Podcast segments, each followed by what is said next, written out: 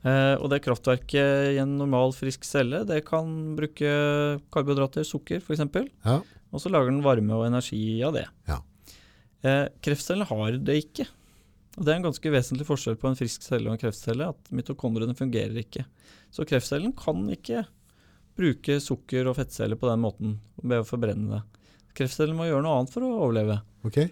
Så det kreftcellen gjør, er at de åpner portene for sukker og tar inn kanskje 200-400 ganger mye, så mye sukker som en frisk celle. Seriøst? Og så fermenterer den det sukkeret. Den gjærer det sukkeret. Og så får den ut litt energi som den overlever på den energien. Men ikke bare det. Det blir en masse ekstra byggemateriale til overs, karbon, av denne prosessen som kreftcellen driver med. da. Wait! Okay, now, from the beginning.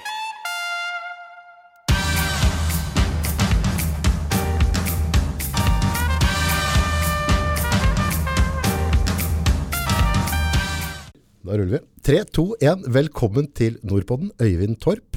Tusen takk. Lege og forfatter, faktisk. Ja. Og det som varmer hjertet mitt nå, eh, det å få lov til å drive med podcast er veldig stas. Og spesielt når jeg møter sånne som deg. For kosthold. Mm. Det er jeg opptatt av. Åh, det er spennende. Det er så spennende, og så er det så mye vi ikke vet om det. Så den vanlige, vanlige kunnskapen på gata er rett og slett ikke tilstedeværende i mange tilfeller. Nei, og eh, skal jeg være helt ærlig, så visste ikke jeg så mye om det heller. Eh, på legestudiet så er det ikke veldig mange uker med ernæringslære. Er det Sånn ikke? at når jeg gikk ut av studiet, så var jeg vel egentlig ganske blank sånn sett i, i bakspeilet. Så det meste jeg har lært om kost, det har jeg lært i ettertid. Og jo mer jeg lærer om det, jo mer forstår jeg at eh, et riktig kosthold det er på en måte grunnlaget for all god helse. Mm. Og motsatt, hvis du har dårlig helse, så er kosthold også en nøkkel for å kunne bli bedre. For dem som ikke har, eh, har møtt deg, men du har jo en historie rundt dette da du virkelig satt eh, hoggetenna i mat og diet. Mm. Eh, du fikk kreft. Ja, stemmer. Eh, jeg fikk eh, kreft i 2016, så fire år siden nå. Eh, jeg var nok allerede opptatt av kosthold på det tidspunktet, og det gjorde sitt til at jeg eh, I og med at jeg hadde litt forkunnskap, så var det lett å dykke ned i litteraturen og finne, finne mulige tiltak som var smarte å gjøre da, i den situasjonen når eh, det så mørkt ut. Åssen krefttype hadde du? Eller har du, eller? Nei, jeg eh, Jeg begynte å føle meg dårlig og ehm, bestilte noen bilder på meg selv. MR-bilder på meg selv. Men du følte deg dårlig. Der er det en tanke som har slått meg. Altså, Mm. når, når er det han føler seg kreftdårlig? Altså, ja, ikke sant? Nei, det, det kan være så mangt. Det kan være alle mulige symptomer. Så det, det Hvordan fikk du det? Jeg hadde vondt i magen og hadde nyresteiner og litt sånn forskjellig. Så jeg gikk jo til legen og, og fikk eh, henvisning til spesialister. Um, men jeg endte jo også opp med, opp med å prøve å framskynde utredningen litt. For jeg syntes det var lenge å vente, da. Mm. Så da fikk jeg ordnet med noen MR-bilder av meg selv, og der, der eh, kom jo diagnosen fram, for da hadde jeg kreft i et ribbein. En såkalt kondrosarkom heter det. Og så hadde jeg en annen krefttype også som eh, satt i magen, da. Eh, To steder? To Og to steder, forskjellige typer? To forskjellige typer. Går det an, da? Ja, nei, det kan du si. Uflaks går det an å ha, liksom? Det tok to. Så det var jo et sjokk, for jeg hadde jo tenkt at jeg var eh, frisk, og jeg hadde tenkt at jeg var ganske sprek, og at jeg levde sunt. Så, så det kom jo, som en, eh, kom, jo- kom jo som et sjokk på meg. Mm. Det er jo det du sier der som uh, gjør at jeg syns kreft er skremmende. Mm. For den, altså den, uh, den tar ikke hensyn. Du kan være sunn, du kan være frisk. Du, kan, altså, du har folk som drikker rødsprit og røker hver dag, og de Mm. er ikke i nærheten av å få det engang. Og så er det han der som sykler Trondheim-Oslo og spiser gulrøtter. Pang. Det er litt rart. Ja, nei, det kan uh, ramme hvem som helst. Um, jeg var jo heldig, da. Jeg var jo veldig fornøyd med norsk helsevesen, for jeg følte meg godt ivaretatt. Ja. Um, så jeg ble operert uh, to ganger, og eh, det gikk uh, ganske bra, selv om jeg ikke var veldig sprek etterpå. Det skal sies. Men jeg skjønte at jeg måtte ta tak i det og bygge meg opp igjen. Og samtidig, da, parallelt, så satte jeg meg mer og mer inn i vitenskapen rundt det med hva som kan være lurt å gjøre ved kreft. Og da kom du inn i kosthold. Da kom jeg inn i kosthold. Eh, Jeg spurte og grov også selvfølgelig kreftlegene hva, hva de syntes, hva, hva jeg skulle gjøre. Men det er klart eh, Kreftleger er ikke så opptatt av diett sånn sett, så de fleste svarer nok at eh, du får leve vanlig sunt, og hvis du røyker så må du slutte med det, og ikke for mye alkohol, men ellers er det ikke så mye du kan gjøre. Overlate det til oss. Det er på en måte i hvert fall det svaret jeg fikk. Og som må har ha fått samme skole som deg, da. Noen Ja, få timer. Ja. timer. Men jeg visste jo fra før at det var mye som tydet på at kosthold var viktigere enn det vi kanskje anerkjenner. Da. Mm. Og jo mer og mer jeg gravde i det, jo mer overbevist ble jeg om det. Eh, så da tenkte jeg at eh, jeg er nødt til å gjøre alt jeg kan selv, i tillegg til den behandlingen jeg er heldig å få på sykehuset. Mm. Eh, litt fordi jeg har barn, ikke sant. Og eh, det var en litt desperat situasjon. Mm. Sånn at jeg følte ikke jeg hadde råd til å gå glipp av noen tiltak som kunne være nyttige. Det er det som gjør både boka di og det du på en måte jobber med veldig interessant for meg, for du har ikke tatt den approachen at hvis du spiser nellik og drikker litt brennesle-te, gjør sånn og sånn, så, så trenger du ikke medisiner. Mm. Du har på en måte, du, du, du fant ut at jeg skal ha et kosttilskudd til beha- behandlinga, altså, altså rett og slett at du Ja, tilfører, Ja, nettopp. i stedet for Eh, at- at du tilfører noe du har tro på, ta bort. mm, Altså, for det synes jeg er litt trist, når folk går, altså, jeg synes det er veldig bra at folk prøver å finne ut av ting selv og ikke gir opp, men at de da på en måte utelukker det offentlige, det tror jeg kan være en fatal feil. Det kan være det. Jeg har respekt for de som gjør det, men samtidig, for min egen del, så tror jeg ikke det er lurt. Jeg tror det er lurt å bruke det beste fra begge verdener. Ja. Eh, og det er jo min drøm, da. Det er jo at eh, skolemedisinen og den komplementærmedisinen, alternativmedisinen og, og dette med kosthold og livsstil, at man kan forene krefter da, mm. til alles beste. Mm. Eh, og heldigvis så er det tegn på at det er i ferd med å skje. Men vi skal prate litt mat. Det må Vi, vi gjøre. kan vi, altså, hvordan skal vi, hvordan skal vi gruppere, altså, hva er mat, og er mat mat? Mm. Hvis vi tar veldig grovt nå, så må vi begynne å ta for oss dette der. For jeg så annet at, eh, at du mm, ga den kaloridietten en på tygga. Ja. Altså at liksom en kalleri er en kalleri. Om den kommer fra Mm. broccoli, om den kommer fra en snickersbar, så er kallerien lik. Ja, ikke sant. Og her er det mye forvirring ute og går. Det veit jeg, for jeg er allmennlege, og jeg har jo pasienter på kontoret hver dag som jeg snakker med. Og det er mye misforståelser, og mye frustrasjon egentlig, fordi man får inntrykk av i media at en dag er en matåre sunn, en annen dag er den, er den, er den usunn. Så, så det er ikke rart at folk blir forvirra, egentlig.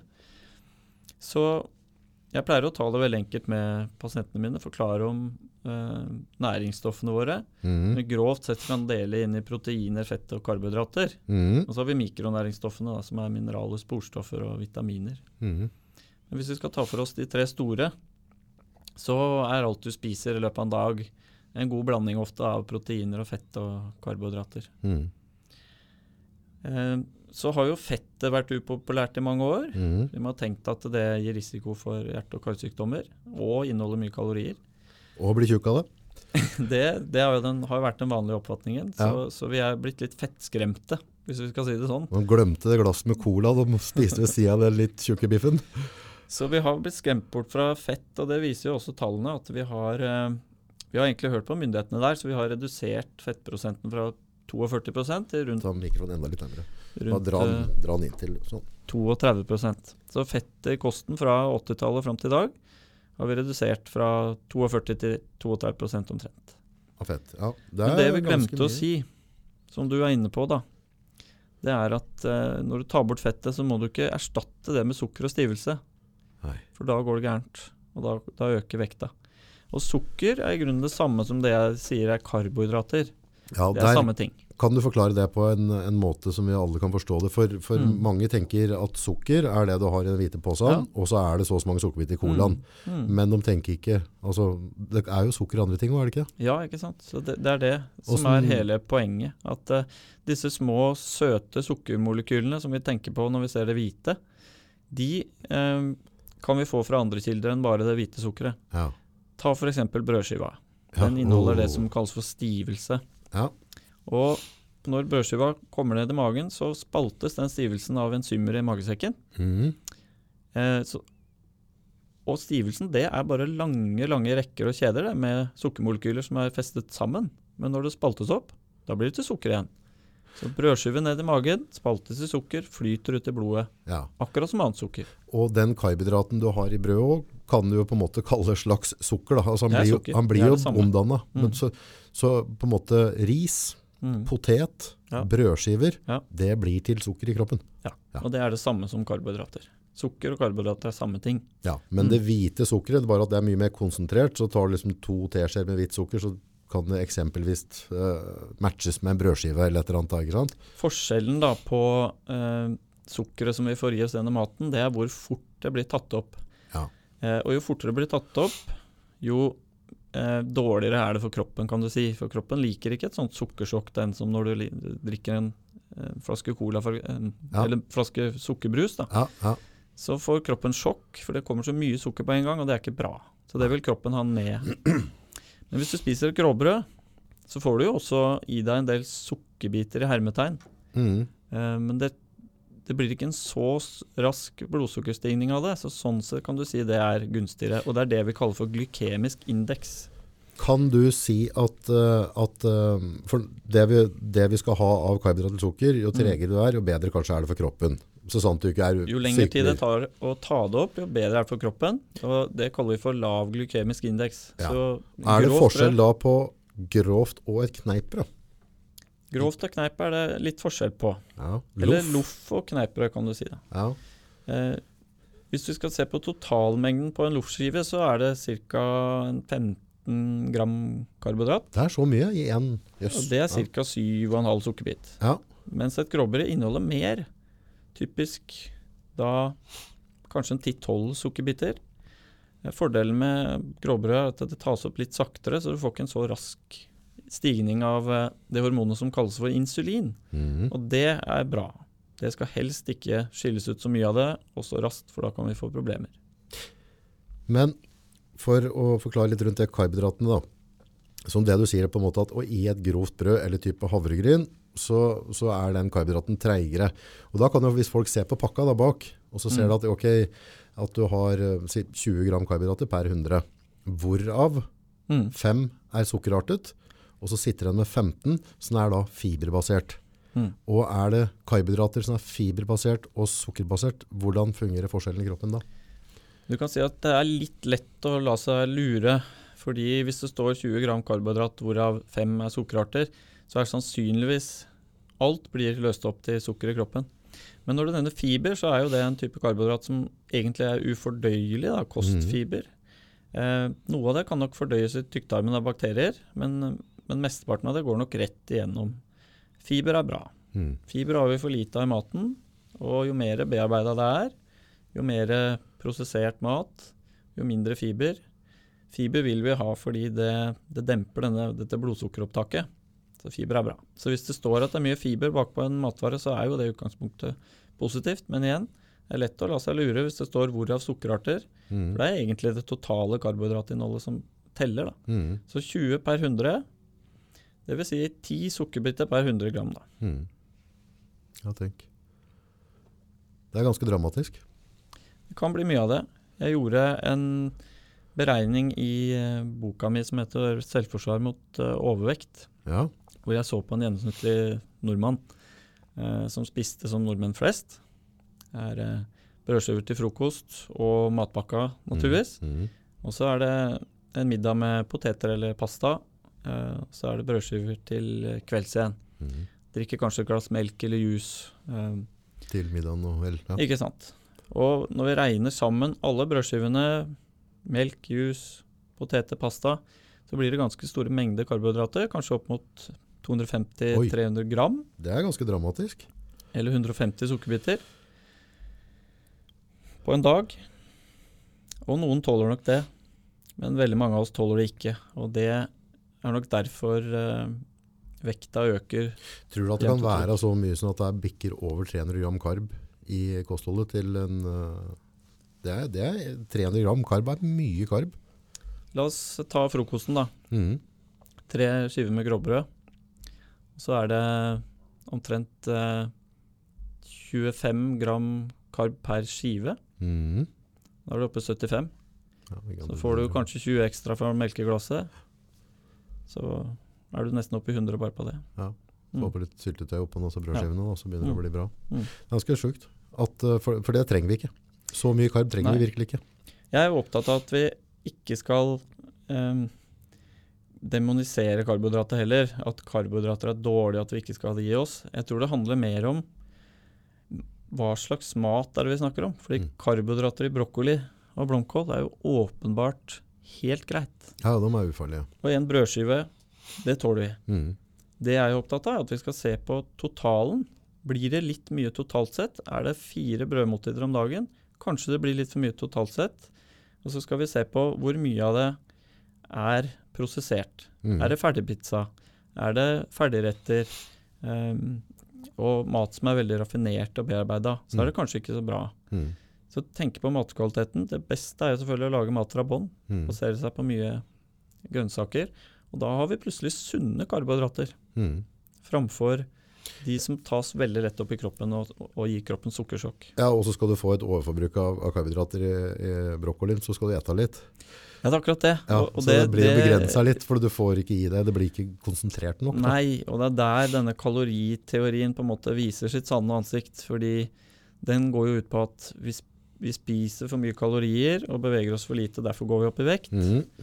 Men tar jo ikke hensyn til akkurat det du sier der. For det er klart at hvis vi spiser 500 kalorier brokkoli kontra 500 kalorier kake, så det er helt åpenbart at du kan ikke spise deg overvektig på, på brokkoli nesten uansett hvor mye du spiser. Du klarer det ikke. Og det er fordi kroppen behandler disse to ulike matvarene på en på veldig forskjellig måte, Mm. og der kommer hormoner inn i bildet.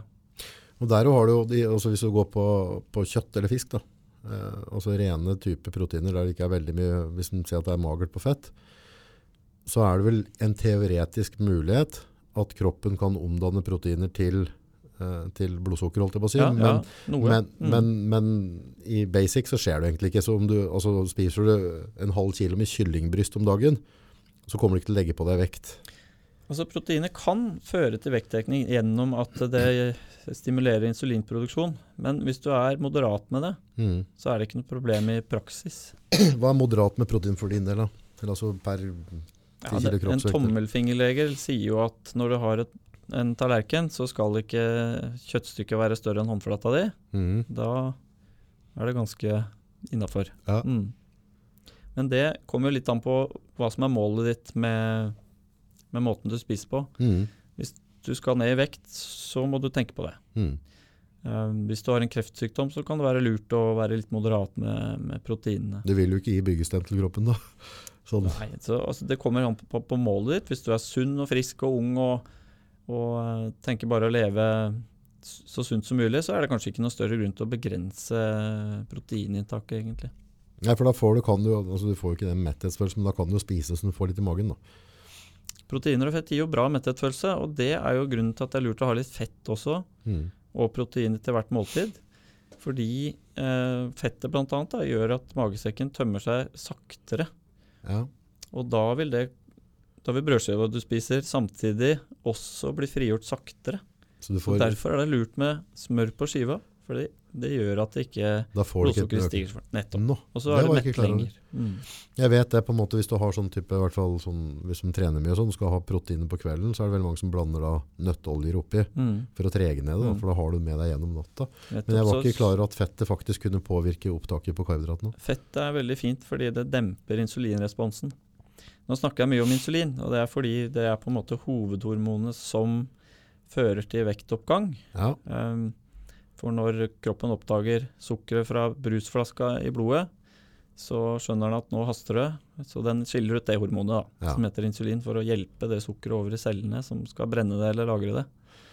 Så det du egentlig sier på en måte er at hvis jeg spiser eh, raske sukkerarter, Mm. det kommer da ut i blodet som energi eller glykol Mm. eller hva man kaller det, så stiger da blodsukkeret, Da stiger blodsukkeret. og så kommer insulinen din og presser det ned igjen. Riktig. Insulinen hjelper blodsukkeret inn i cellene. Så da vil si at han- han, all den der sukkernæringen jeg putta inn i blodet mitt, tar den insulinen og bare dytter inn i fettceller osv.?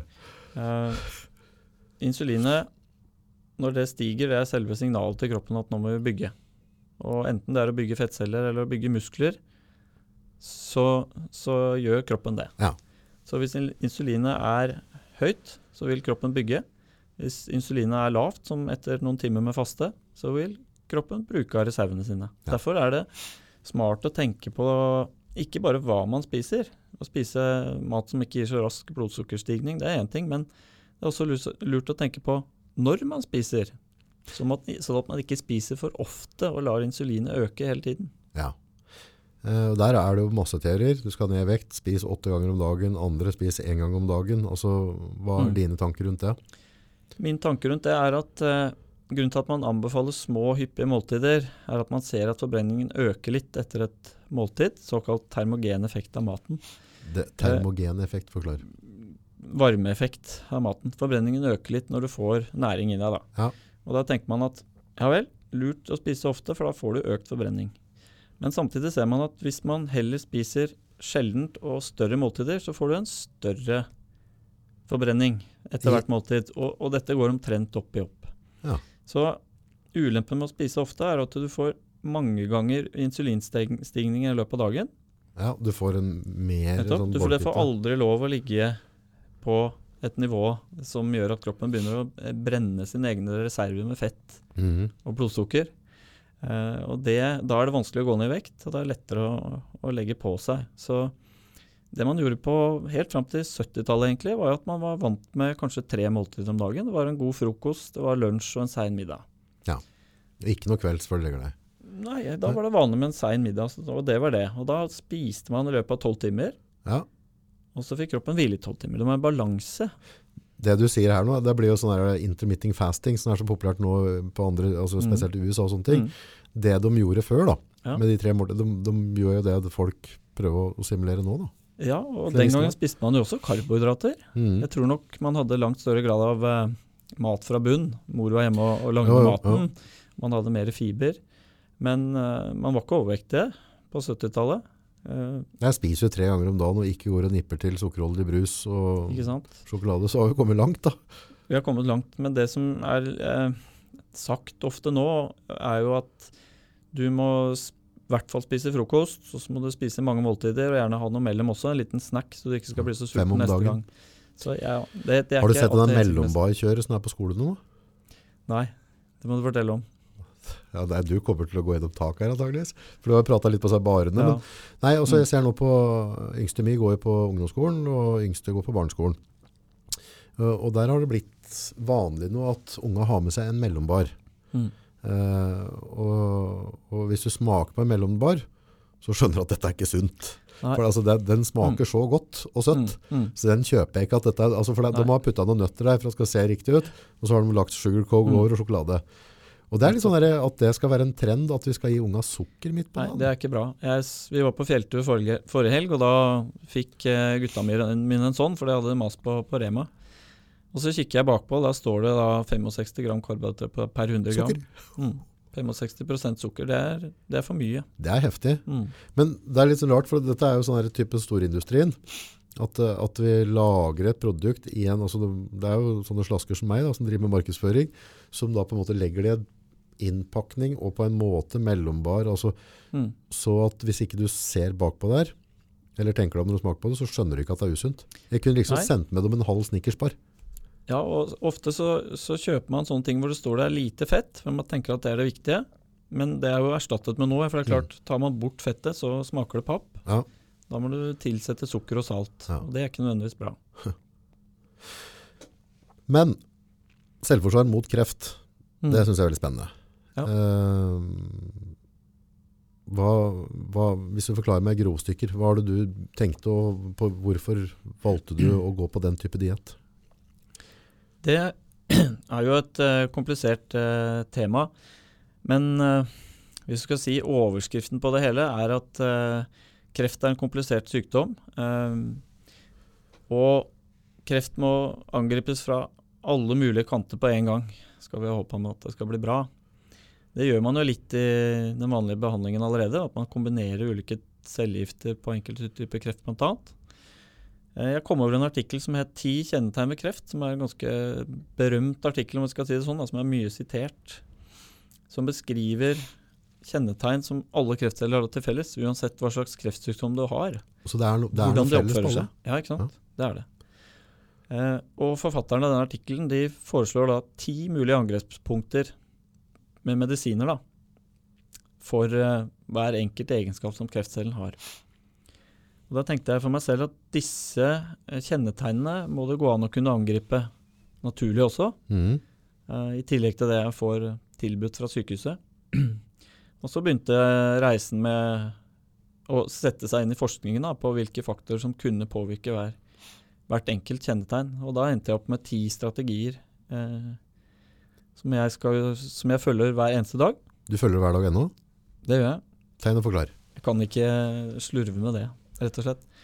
Eh, og grunnen til at jeg tror det kan være effektivt, det er hvis vi tar en sammenligning med hiv-epidemien på 80-tallet. Ja. Man søkte og søkte etter en effektiv medisin eh, som kunne ta dette viruset. Det fant man ikke. Nei. Men vi vet jo i dag at folk lever med, og ikke nødvendigvis dør av, ja, sånn. Aids. ja, ja. og hiv. Og det er fordi at man til slutt fant en kombinasjon av effektive medisiner. Én alene virker ikke. Men når man kombinerer mange medikamenter, så klarer man å holde sykdommen i sjakk. Det er det dere leger sier, altså ofte er én pluss én kan bli fem, faktisk. Nettopp. Og det oppdaget jeg også i matveien.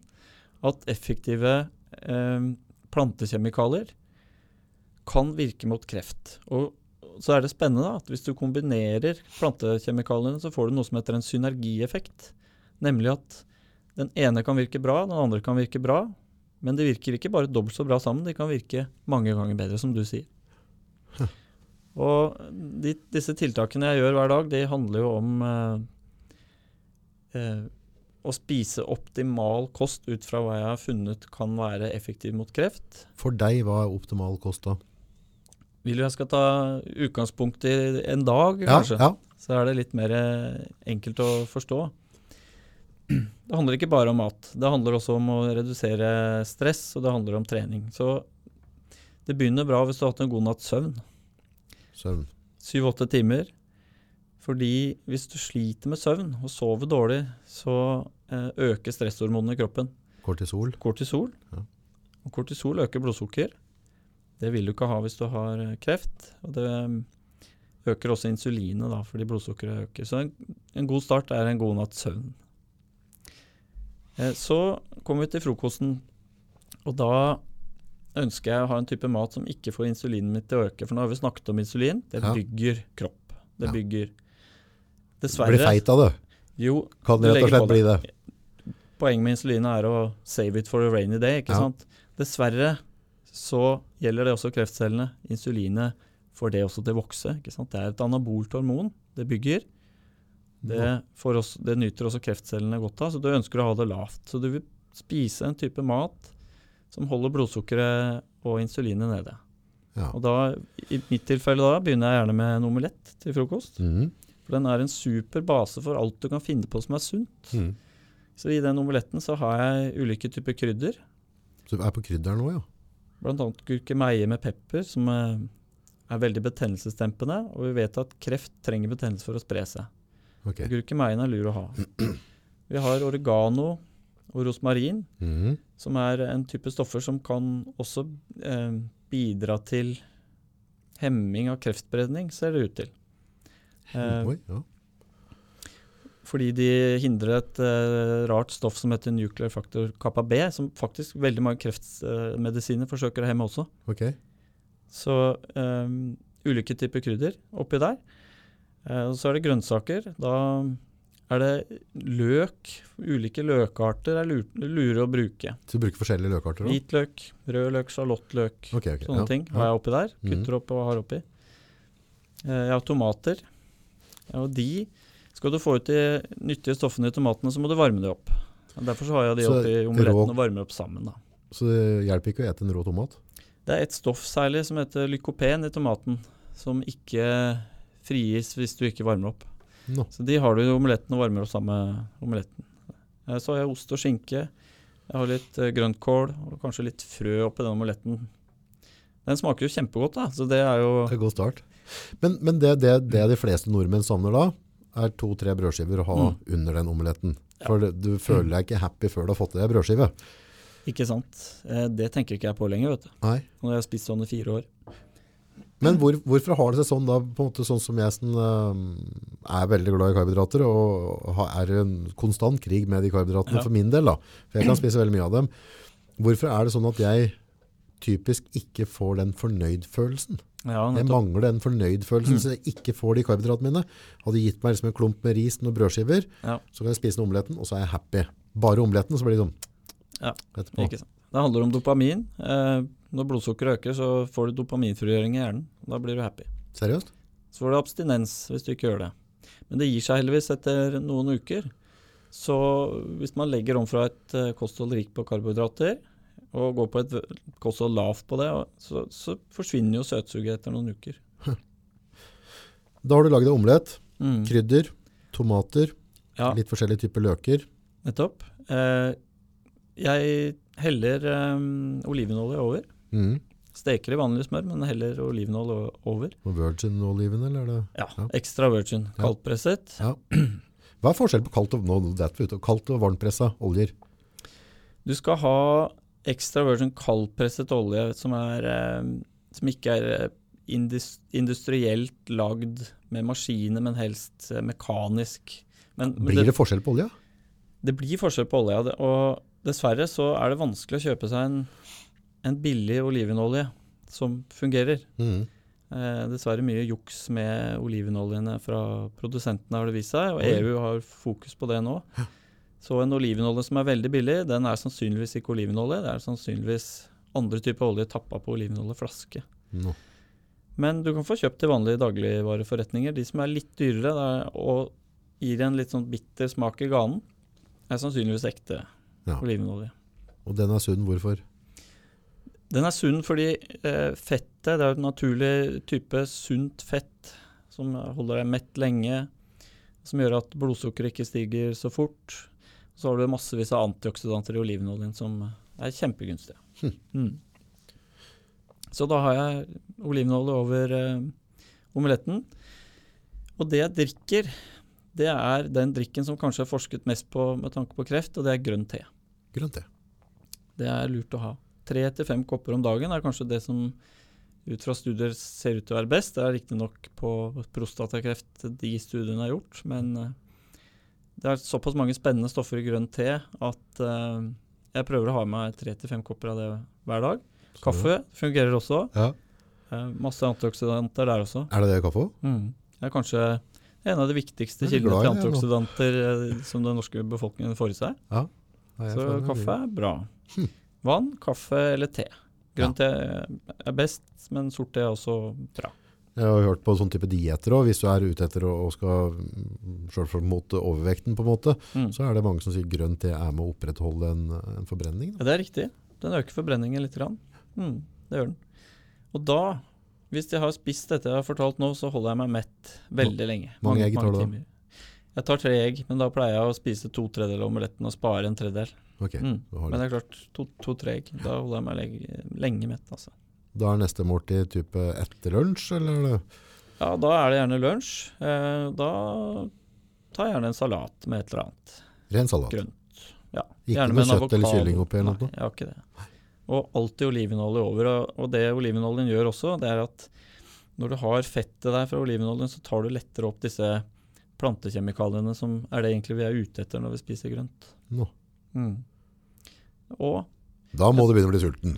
det er klart at det, den salaten blir du i utgangspunktet ganske fort sulten av. Ja. Så Der er det viktig å ha olivenolje over. Og så er det viktig, jeg bruker i hvert fall, å ha nøtter. Ja, Uh, og nøtter er spennende. Proteiner, sunne fettsyrer, eh, andre stoffer som er uh, bra å ha i seg. Har du prøvd å merke som spiser- macadamia-nøttene? ja, de er gode. Der Det får- tror jeg kan være bra. Ja, de, de, ja, de scorer best av alle nøttene, tror jeg. Mm. Men du har også noe som heter Macadamian nut oil. Veldig Mm, vanskelig å få tak i. Jeg tror de har det på noen av de eh, Ja. asiatiske butikker i Oslo. Og den har ganske høyt røkpunkt. Den kan du steke Akkurat. uten at den går over til metta. Skjønner. Så den er litt spennende. Mm. Jeg spiser mye valnøtter, men også mandler. Med masse vitamin E. Eh, spiser eh, peanøtter. Som egentlig ikke er en nøtt, da, men en belgfrukt. Men det er også Er ikke det nøtt? Mm. Man kaller det en peanøtt. Ja. Det er rart vi gjorde det gærent. Og nøtter holder deg mett, ikke sant. Så Ja. en salat med olivenolje og nøtter.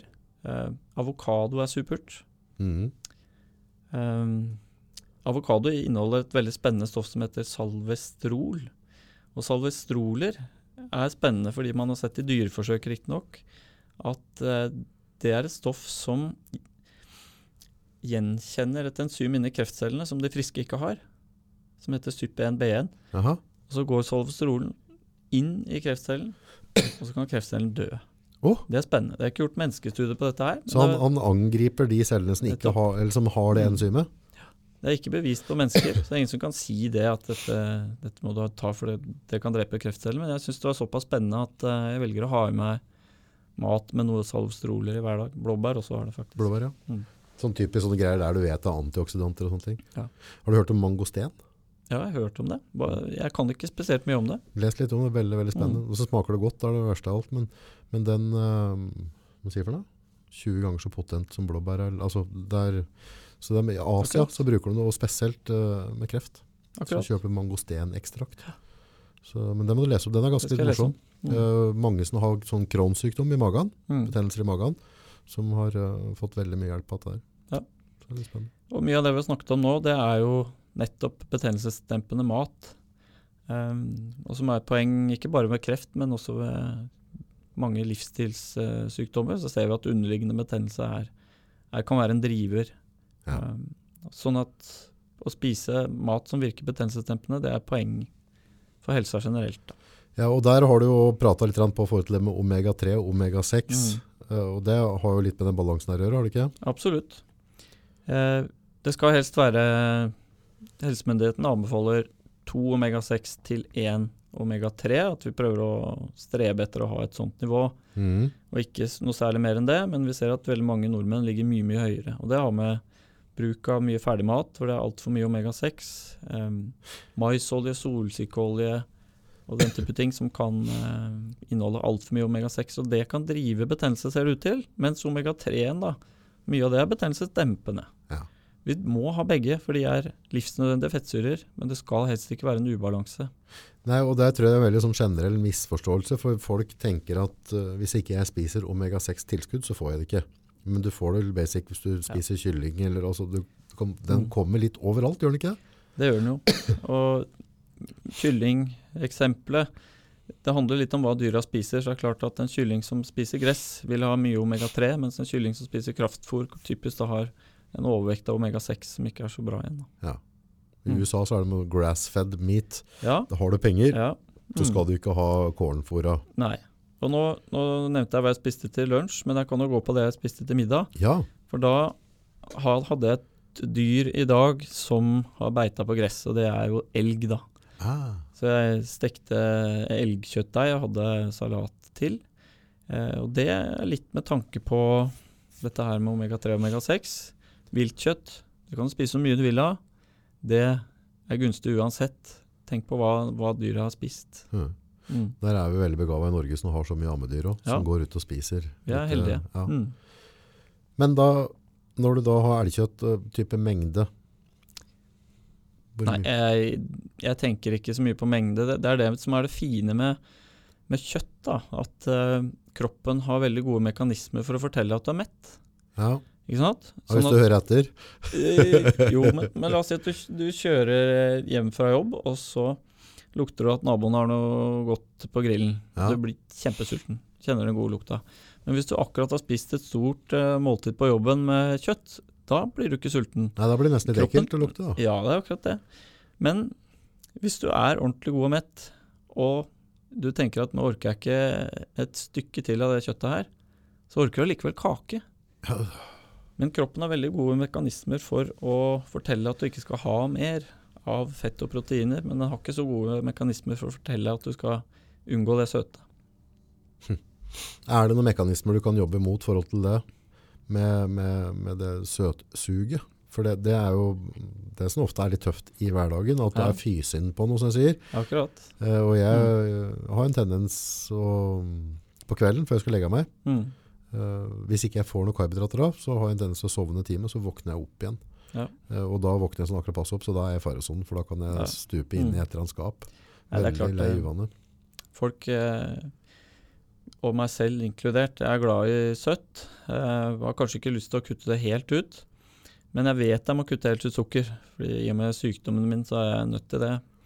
Men da, istedenfor å kutte det ut, så bytter jeg til noe som er mer hensiktsmessig. Sånn at Mm. jeg bytter ut til, til bær som jeg spiser, blåbær og bringebær hver dag. Ja. Kanskje med litt mørk sjokolade på. Så Er ikke det Jo. sunt da, sier du? Mørk sjokolade? Jo, jo mørkere og bedre. Så jeg bruker 86% kakao.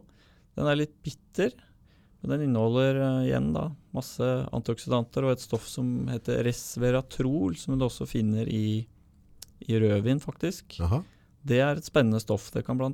bidra til å hindre at eh, kreftsvulster får, får blodforsyning. Um, så ja, mørk sjokolade er bra. Selvfølgelig i moderate mengder. men- Ikke en plat om dagen, liksom. bytter du ut kaffe og kake med kaffe og bær, da, så kan du fortsatt få tilfredsstilt søtsuget ditt, samtidig som du tilfører kroppen mange nyttige stoffer. Da. Men Mm. nå er jo du på tre måltider. Har du noe kveldsmat da? Jeg har ofte det. ehm, Så, så det jeg heller ehm, gjør når jeg er på jobb eh, som allmennlege tre dager i uka, det er at jeg hopper over frokosten. Ja. Så jeg har stort sett noe til kvelds. og Det kan typisk være noen middagsrester, eller det kan være litt ost og skinke, nøtter, sånne ting. Ja. Mm. Gå og plukke litt. Ja, Men plukke. fortsatt, du, jeg skjønner jo at du spiser ganske moderat. Du spiser jo ikke store mengder. Nei, og det, Blir det, dette nok næring til å være på jobb og, Ja, og styre rundt da? Absolutt. Og det med mengdene, som sagt, det regulerer seg så veldig fint selv. Hvis du spiser en type mat som ikke får blodsukkeret til å stige, så blir du ikke så sulten heller. Jeg har et eksempel på det. For eh, vi nevnte dette med kaloriteorien. Mm. Og at en kalori ikke er en kalori, det var det en studie som viste ganske elegant. For det var en gruppe mennesker som fikk eh, frokostblanding, ca. 500 kalorier. Så var det en annen gruppe mennesker som fikk omelett, da, sånn som jeg spiser. Og så målte man blodsukkeret på de og fulgte de fram til lunsj. Og den frokostblandinggruppen de ble fort sultne igjen, som du kanskje kjenner deg igjen på hvis du har spist grøt eller frokostblanding. Kellogg's, et eller annet. Eh, mens omelettgruppen var eh, lenger mette, og de var også mer konsentrerte og hadde litt mer energi da, fram mot lunsj. Men det mest spennende var når de slapp de løs på koldtbord, begge gruppene, til lunsj. Så spiste den gruppa som hadde spist frokostblanding, 81% flere kalorier. Mm. Selv om de hadde hatt akkurat like mange kalorier til frokost. Mhm. Det sier jo alt om at en kalori er ikke en kalori. Det handler om hva slags mat vi putter i oss, og hvordan kroppen behandler den. da. Mhm. Så hvis du ved å spise én type mat er mye mer sulten ved neste måltid, mm. så er det klart at da nytter det ikke å regne på kalorier inn og kalorier ut, fordi dette handler om hormoner og hvordan kroppen behandler den maten. Men der og, når, du- når du sier det med hormoner, eller altså med insulinbetaen der da, så er det sånn, hvis du spiser veldig lite øh, karbohydrater, eller er veldig nøye Mm. på sukkeret, Mm. så har jeg inntrykk av at de reseptorene blir på en måte friska litt opp. Så i, hvis jeg da gir deg sukker, så får du deg en skikkelig karamell. Altså, altså du, du blir veldig fort fornøyd da, for det skal veldig lite til. Ja, det, du er inne på noe der som uh, kalles for insulinresistens, nemlig. Og det er hvis vi spiser mange ganger om dagen, og spiser mat som får blodsukkeret til å øke mye, type loff mange ganger om dagen, mm. så må kroppen skille ut mye insulin for å bli kvitt dette sukkeret. Og hvis det skjer mange ganger om dagen i mange måneder og år, så virker insulinet dårligere. Og det er en forsvarsmekanisme, rett og slett. Fordi høyt insulin kan i ytterste konsekvens føre til for lavt blodsukker og at vi dør. Ikke sant? Så kroppen har ikke noe annet enn valg enn å utvikle en resistens, nemlig at insulinhormonet virker Ja, dårligere. derfor du får det der tette, tette filter, holdt jeg på å si på den, ja. Ja, og da går det med kronisk høyt insulinnivå, og da virker det ikke så godt. Men hvis du legger om livsstilen da, og begynner å faste regelmessig, spise mat som ikke øker insulin så mye, så vil faktisk denne resistensen kunne reverseres. Mm. Og da blir det som du sier, da virker jo sukkeret. Da går det lettere inn i cellene. Mm. Ikke sant? Da Da, føler jeg nesten litt dårlig, vet du. da, da får du et sjokk. Ja. Mm. Nei, for det var jo vet jeg, sånn tidligere på, på, mm, før i verden, når vi var på noen type dietter med veldig lite eh, karbohydrater, og så hadde vi da kanskje en type sånn spisedag i løpet av en uke eller et eller annet, for å få litt mer stoffskift igjen. Men da var det ofte veldig problematisk å få i deg 100 gram med karbohydrater. For av at akkurat som liksom pipene var såpass reine, så det var ikke mye karbohydrater du skulle ha før du egentlig var fornøyd. Du mista, altså du klarte ikke. Kontra hvis du går etter sukker hele tida, så kan du Mm. Fleske deg en svær pose med godteri. Men det har nok også sammenheng med hva slags type drivstoff eh, kroppen er på, for den kan velge mellom to drivstoff. Mm. Den kan brenne karbohydrater, Mm. og det er det vi fleste gjør, Mm. eller den kan brenne fett. Mm. Hvis kroppen brenner fett, og det tar en stund å komme seg over på fettforbrenningen, da, så tar det litt tid å justere seg tilbake igjen også. Ja. Mm. Og det merker du på kroppen. Mm. Uh, I den fasen du er i ferd med å, å legge over til fettforbrenning, så blir mange slappe, f.eks. Mm. Kan få litt vondt i hodet fordi de spiser en kost som er mindre, har mindre salter. Det kalles også for Atkins flu, eller Atkins influensa. Mm. Så de ukene du penser over på fettforbrenning, så kan du føle deg dårlig, men det går over. Ja, etter hvert så vil jo ja. Jeg har for så vidt syntes det har vært veldig ålreit, men øhm, det er jo liksom når du går inn i en butikk nå i dag, og du skal finne et eller annet som det ikke er sukker i, Ja. eller karbohydrater, så skal du være ganske flink. For det, det meste er på en måte Mm. lagt til rette på en eller annen måte, så har de dytta et eller annet inni der. Ja, hva gjør du langs veien hvis du stopper på en bensinstasjon? Det er vanskelig å Ja. Men da kan du jo på en måte bare ta bare ei pølse da, i hånda, uten lompe. Du kan ta en pølse, eh, det er klart, eh, som en sånn nødløsning. Men det beste er vel kanskje å ha med seg noe da, Ja. på veien. Mm. Du har jo klare meninger rundt dieter, øh, og det er jo Jeg syns det er veldig mange gode dieter, men veldig mye av det er egentlig tufta på samme fornuften. da. Mm. Men det er forskjellige måter å, å fremgå på, og, og det er forskjellige kropper. Ja. En diett som kan funke kjempedårlig på deg, kan funke bra på meg osv. Vi er litt forskjellige sånn individuelt òg. Men hvis jeg hadde hatt typen helseproblemer nå, det kan være hva som helst, eh, og du mener at jeg skal på en måte legge til rette for at kroppen min Mm. skal ha mest mulig immunforsvar, ha det best mulig til å fighte mot den sykdommen. Mm. Hva ville du anbefalt meg på en måte? Hva, hva hadde du sagt August? Nå tenker jeg at du gjør sånn, sånn, sånn. Ja. Sånn generelt så er det første man kan gjøre, det er å kutte ned på sukker. Tilsatt sukker, ut med det. Det er det jeg tenker. Neste steget er nok å kutte ned på raffinerte karbohydrater, da mener jeg eh, ferdigmat, typisk. Hva er det som er forskjellen på hjemmelaga og ferdigmat? Hvorfor blir det forskjell? Blant annet så er jo fibre borte, og mye av, av næringsstoffene, mikronæringsstoffene, kan være borte. Er det kokt ut, eller er det altså, Altså det, det sier seg vel selv at det er klart en, en hel grønnsak inneholder mer nyttige stoffer enn en ferdigrett som er tilsatt, tenker jeg. Ja. Sånn at mat fra bunn, med fiber, fibre Ja. intakt. Um, så kutte ut sukker først og fremst, mindre ferdigmat eller ikke noe.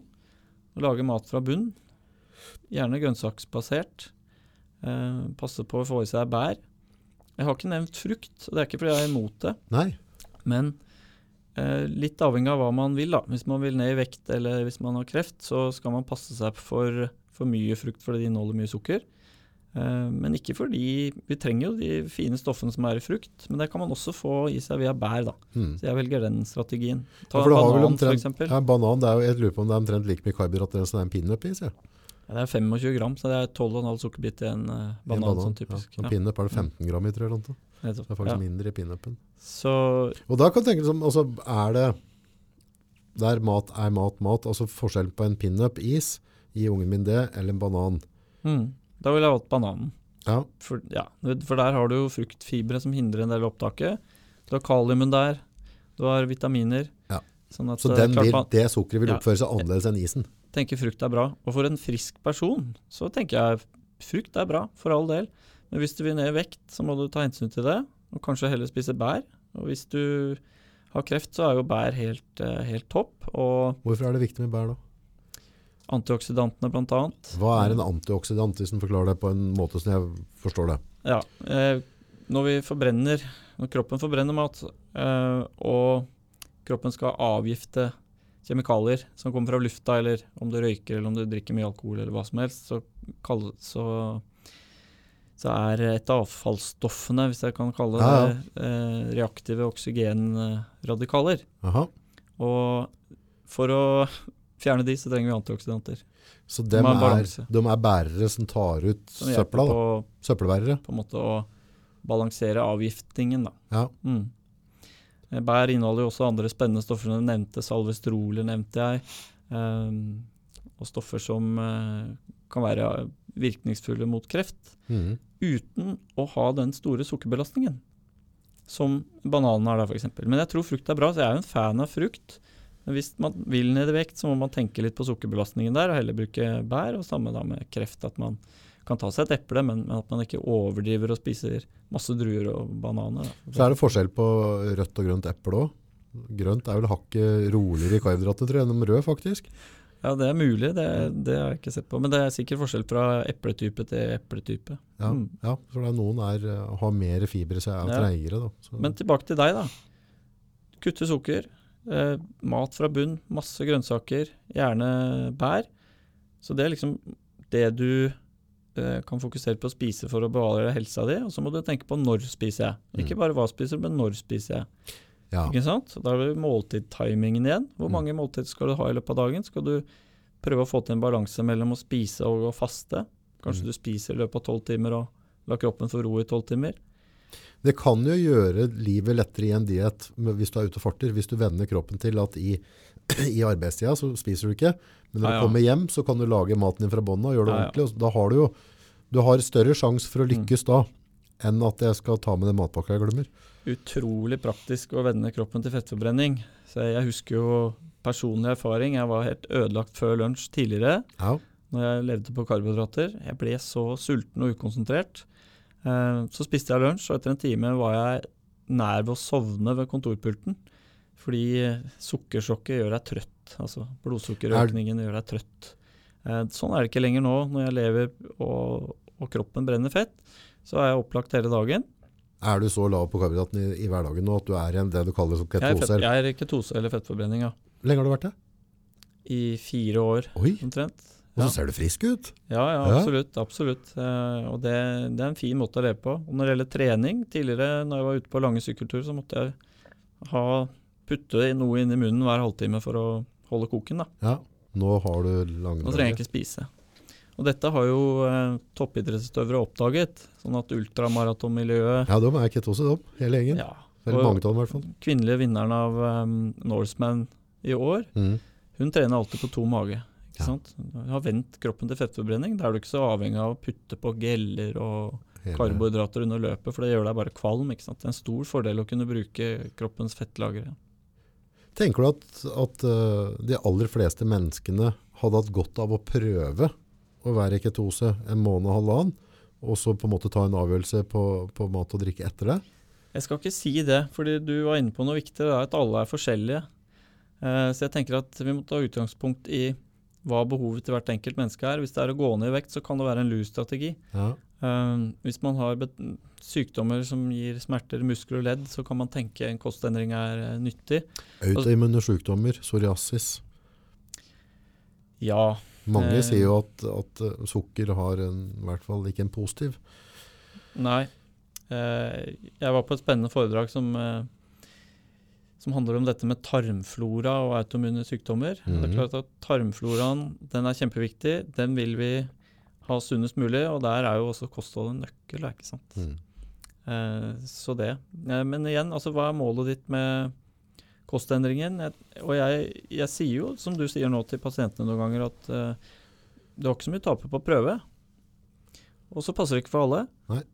Men, men man vet ikke før man har prøvd. Og igjen, det kan være hvis man legger om kostholdet radikalt og ønsker å kutte veldig ned på tilsatt sukker og raffinerte karbohydrater, så vil man kunne oppleve slapphet, hodepine.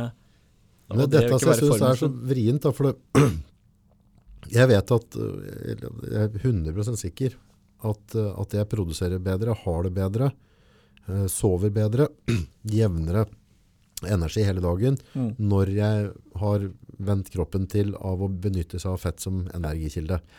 Men jeg har veldig, veldig vanskelig for å klare å holde meg på dette Mm.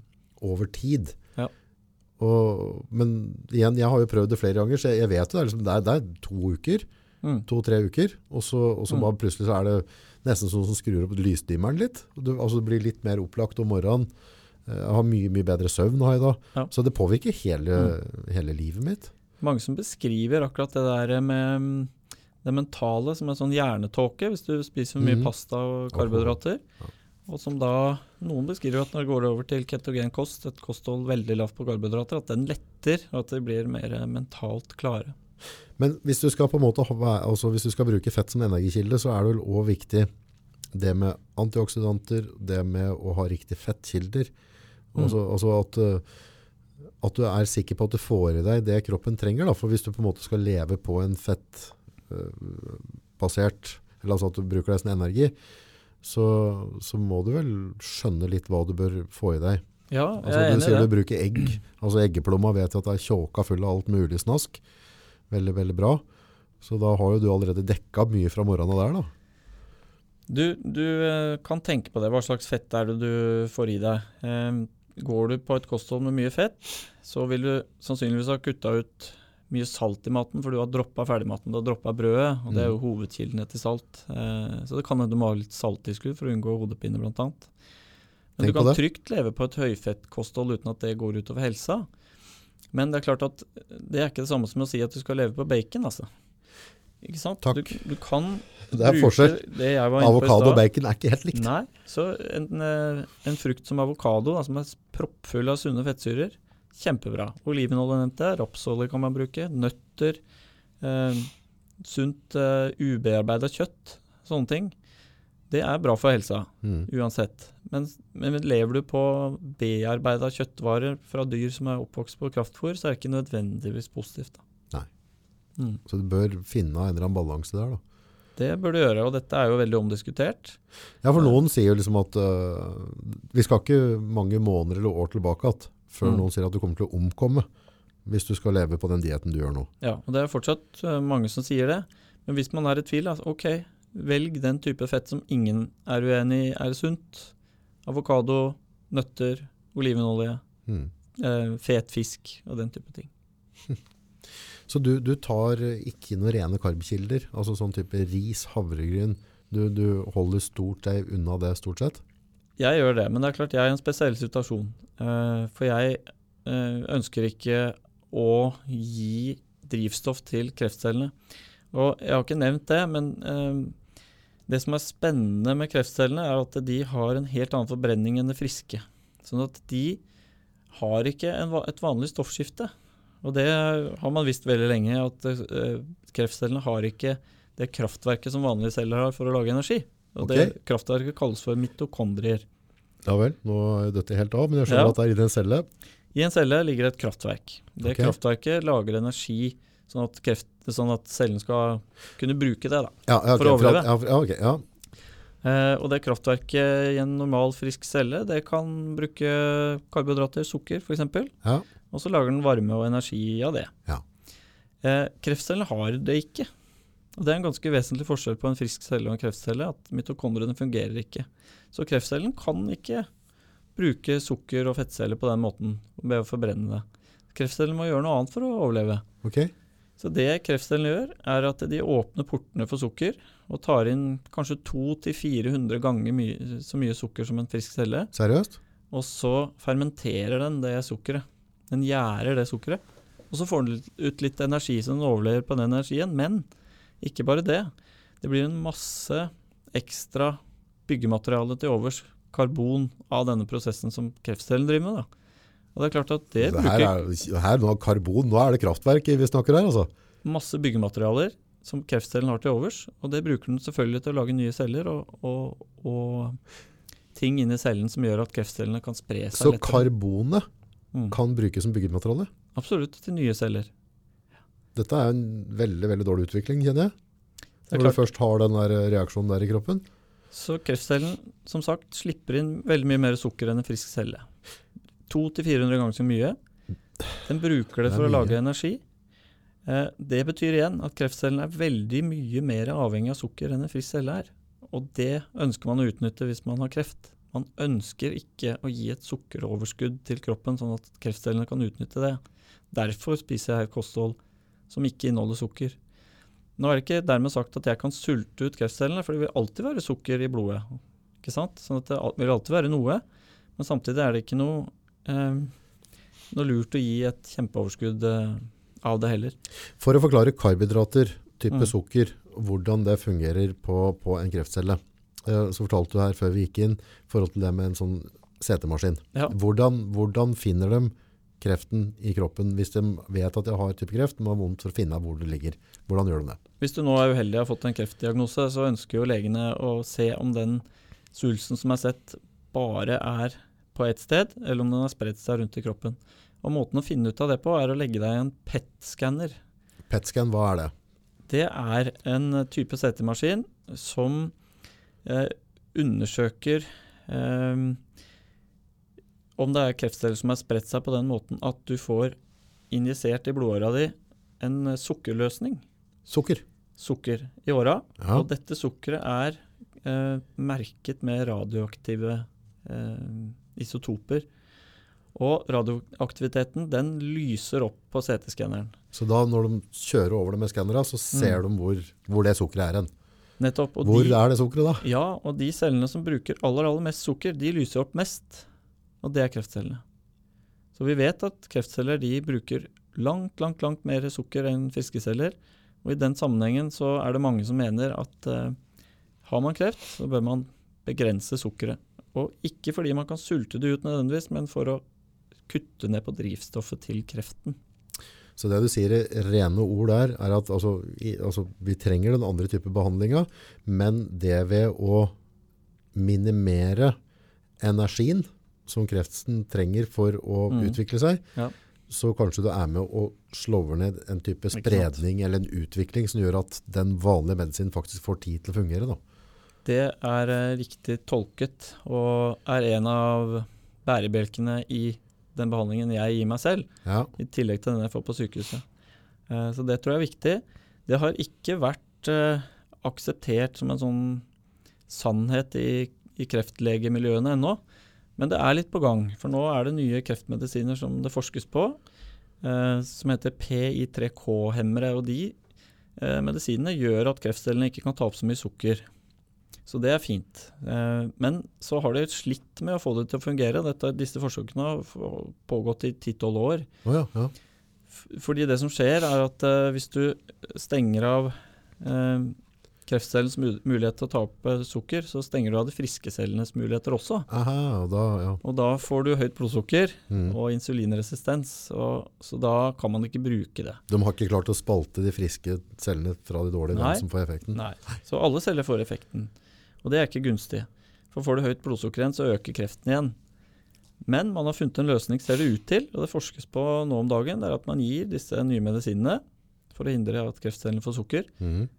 Og så gir man et kosthold som ikke holder, inneholder karbohydrater. Og til nå har man fantastiske resultater på det på forsøksstadiet. Dette er noe man driver med Driver med her i Norge nå, eller? i USA. I USA, ja. ja. Ja, det er på forsøksstadiet. Men uh, jeg tenker at jeg håper at uh, dette kan være en behandling som etter hvert kan brukes på mange kreftformer. Og det vil være å forene kreftene fra skolemedisinen og alternativ medisin med kosthold til det beste for kreftpasientene. Jeg har jo sett noen dokumentarer eh, på nett eh, rundt dette her. Og det virker som at de, i hvert fall på USA og noen andre land, som, eh, som de fremste guttene og jentene som driver med det der, de er ganske klare på det at vi skrur ned karbohydrater med en gang vi har et tilfelle. Altså de, de kjører jo medisiner og driver med andre ting, men at, at det er rett over på et type steinalderkosthold da. Ja, både ja og nei. Eh, I noen miljøer er det akseptert. Mhm. Eh, også det er forsket mest på type ved hjernekreft, at det kan være lurt. Og det er fordi eh, det fant man ut ved behandlinger av epileptikere. Mm. Man fant ut at hvis man kutter ned sukker hos epileptikere og går på ketogenkost, så får de færre anfall. Gjør det? Og så er det jo noen epileptikere som hadde anfall fordi de hadde en svulst i hjernen. Som ved en tilfeldighet da så oppdaget man at gir man denne type kost, så skrumpes svulsten. Så, så det er mest forsket på i, i hjernekreftsammenheng, og det er ganske Det er mange som driver med det i USA, men det er ikke noe enighet om at dette um, er det man skal bruke. Men uh, jeg mener jo at det er en god idé i tillegg til den behandlingen man kan få på sykehuset. Ja, for meg så hersker det ingenting. Altså, hvis jeg på en måte hadde blitt utsatt for det det hadde blitt, så, så hadde jeg grepet til meg en sånn type bok og omfavna det Mm. fortløpende. Men jeg hadde jo ikke på en måte stoppa å gå til legen og sykehuset for det. Men, eh, men jeg tenker at hva vi blir det du spiser. alt- Altså det er jo galskap Mm. å ikke ta tak i noe som ligger så nært. Da. Og i verste fall så blir det bare bedre form. Mm. Altså, det jeg håper eh, litt, eh, og jeg har jo vært og snakket med kreftlegen i Sykehuset Innlandet om dette her, mm. og de er egentlig ganske positive. Så det jeg håper litt, er at eh, dette med, med livsstil og diett skal komme mer og mer. Og i 2018 så ble det lansert en stor rapport om alt vi vet om kreft og mat. Eh, og det var eh, American Institute for Cancer Research blant annet, som sto bak den rapporten. Og de eh, viste dette vet vi om mat og kreft nå. Dette har vi på en måte gode vitenskapelige beviser for. Hva virker for å forebygge kreft? Og så var det ramset opp til masse ting, bl.a. Eh, sunn mat og det å droppe ferdigmat, droppe sukker, eh, trene mer osv. Eh, og så skriver de samtidig vi har masse gode studier på det å forebygge kreft med mat.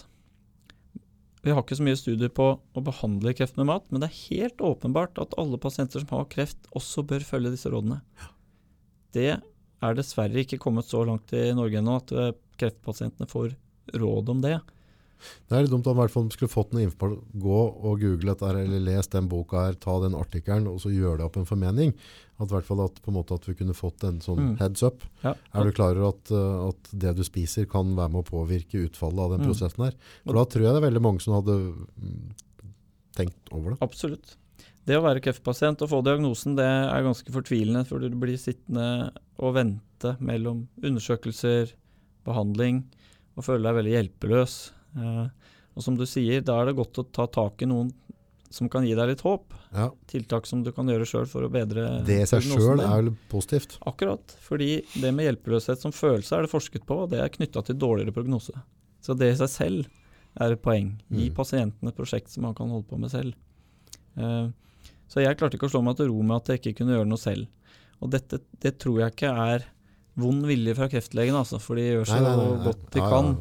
Og jeg spurte som sagt kreftlegene hva jeg kan gjøre, og, og en av de sa, husker jeg, det er fristende å si at du skal spise brokkoli, men vi har ikke noen store randomiserte og kontrollerte studier som viser at det fungerer, derfor så kan jeg ikke anbefale det. Nei. Som andre ord, han har også sett studiene som tyder på at det virker, men de største kontrollerte studiene finnes ikke, derfor kan han ikke gi det rådet. Og leger har ikke lov til å synse, har de det? Nei, ikke sant? Så man må holde seg til det som er strengt vitenskapelig dokumentert. Jeg tenkte at det er jo litt synd, for her er det masse studier som viser det, som peker på at det kan virke. Det er bare synd å la den kunnskapen ligge brakk bare for vi ikke har de store studiene. Ja. Og når du tenker om hvor lett er det å stable en milliard kroner på, på bena for å kjøre en sånn studie som ingen tjener penger på i andre enden, ingen som tjener penger på brokkoli. Nei, nei, nei. Eh, og så skal du ha 10 000 pasienter da, som går på brokkoli, og 10 000 som ikke gjør det. Det er en Mm. umulig studie å gjennomføre. Så sannsynligvis så får vi ikke til studiene heller. Men i forhold til det med kosthold, da. Eskimoene. Ja. Var- Var det mye, mye hjertetrøbbel og kreft der? Nei, vet du hva. Eh, akkurat eskimoene er jo et paradoks, for de levde på et høyfettkosthold. Eh, høyt det var protein, høyt fett. C-vitamin i selfett og sånn, var det ikke? Ja, de spiste sel, som du sier. De spiste fisk, de jakta hjort. Eh, og det var mest fett og proteiner, og, og ifølge den rådende oppfatning så skulle disse ha dødd ganske tidlig av hjerteinfarkt, ikke sant? Mm, For det er høyfett. Men det ble forsket på eskimoene, og man fant at de var veldig, veldig friske. Faktisk helt fram til de begynte å gå over på mer vestlig, moderne kosthold. Så det er en tankevekker. Mm. Ja, det er ofte så er det bare å gå noen skritt tilbake og se hvordan var det ting før. da. Mm. Men har du, har du gjort noen tanker rundt gluten Ja. og, og hveteprodukter? Mm. Gluten er et ganske stort og komplekst protein eh, som kroppen, hos mange i hvert fall, sliter litt med å bryte ned i store mengder. Mm. Um, og det kan påvirke tarmfloraen din på en ugunstig måte hos eh, mange. Da. Så det er mange som sliter med mageproblemer, og noen får jo glutenallergi også av dette her. Eh, det som kanskje skaper problemet, er at det er ganske mye av det. Mm. Hvis du baker brød hjemme, så vil du jo ha gluten fra kornet. Men hvis du kjøper brød på butikken, så vil jo da eh, produsenten som steker, ti, som steker 1000 brød av gangen, kanskje, han Mm. vil eh, rett og slett tilsette mye gluten i hvert enkelt brød for at alle skal heve samtidig. Så i det kjøpebrødet så har du gluten fra kornet, og så har du det tilsatte glutenet som skal gjøre at alle brødene hever samtidig.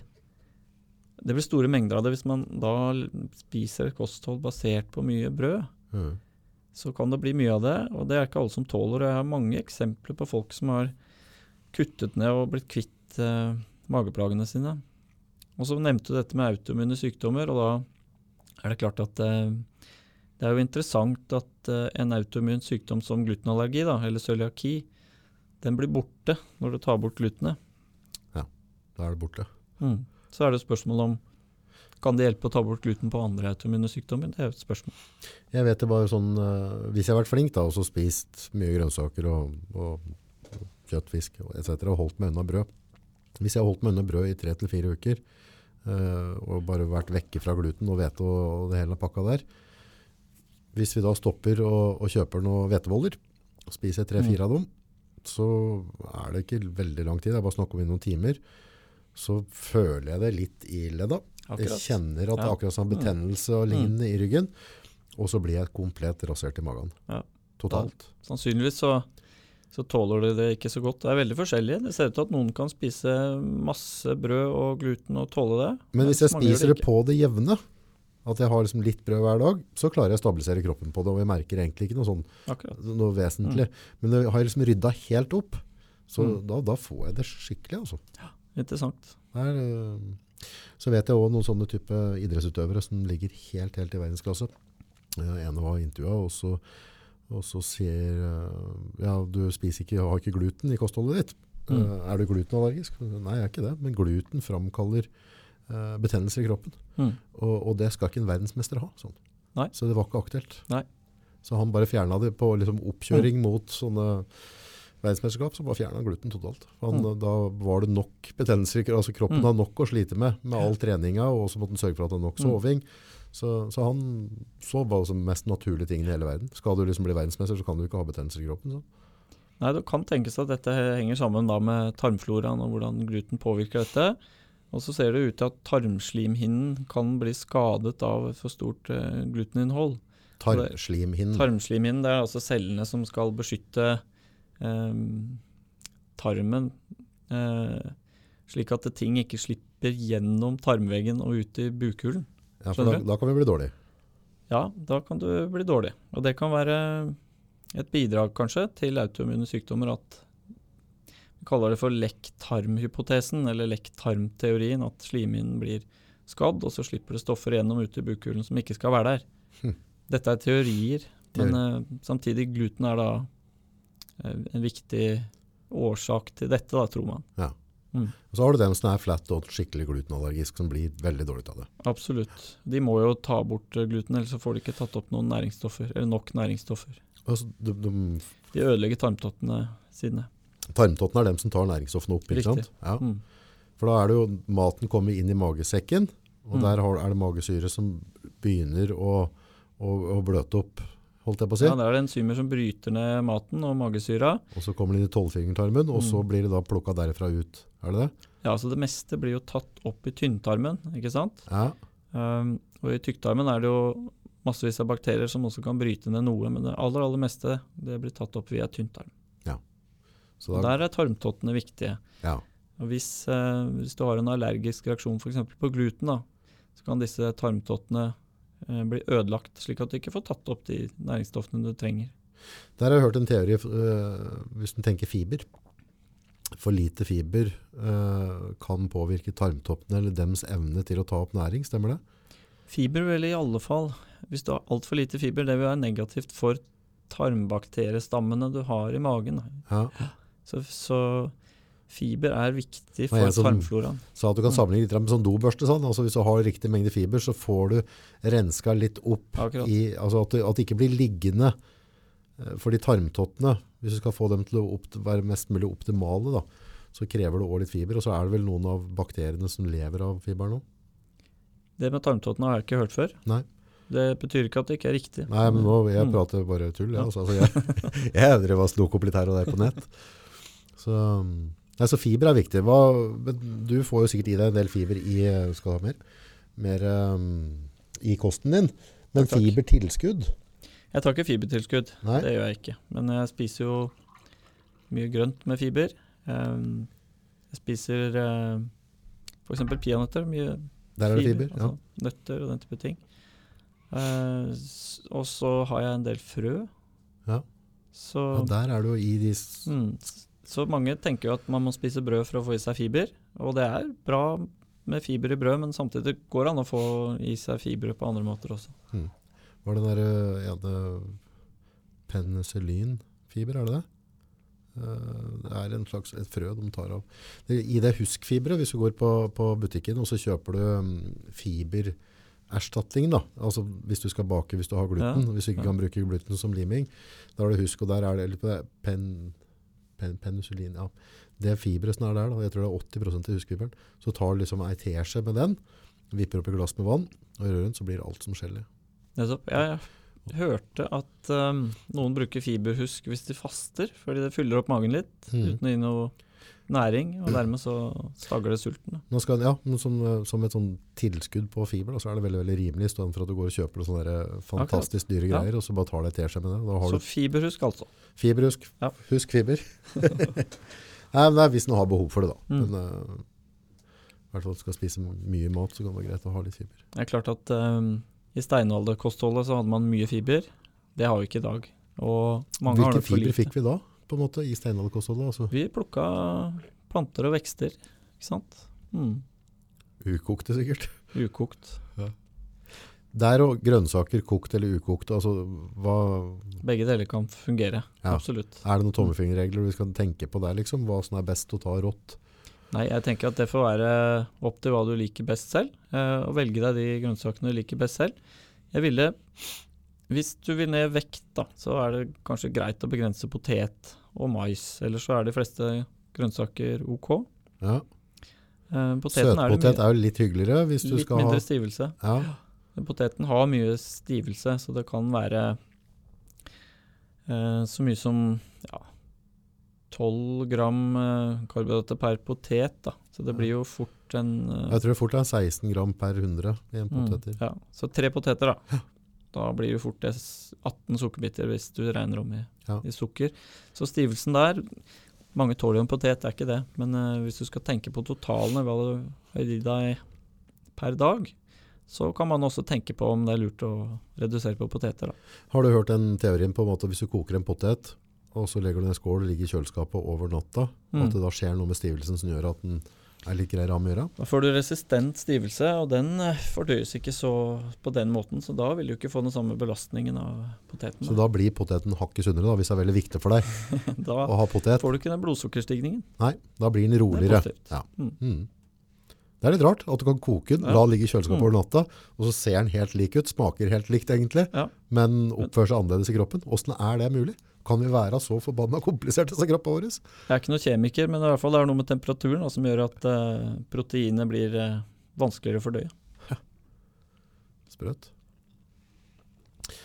Men grønnsaker ellers, altså gulrøtter, rått, kokt, er det forskjell?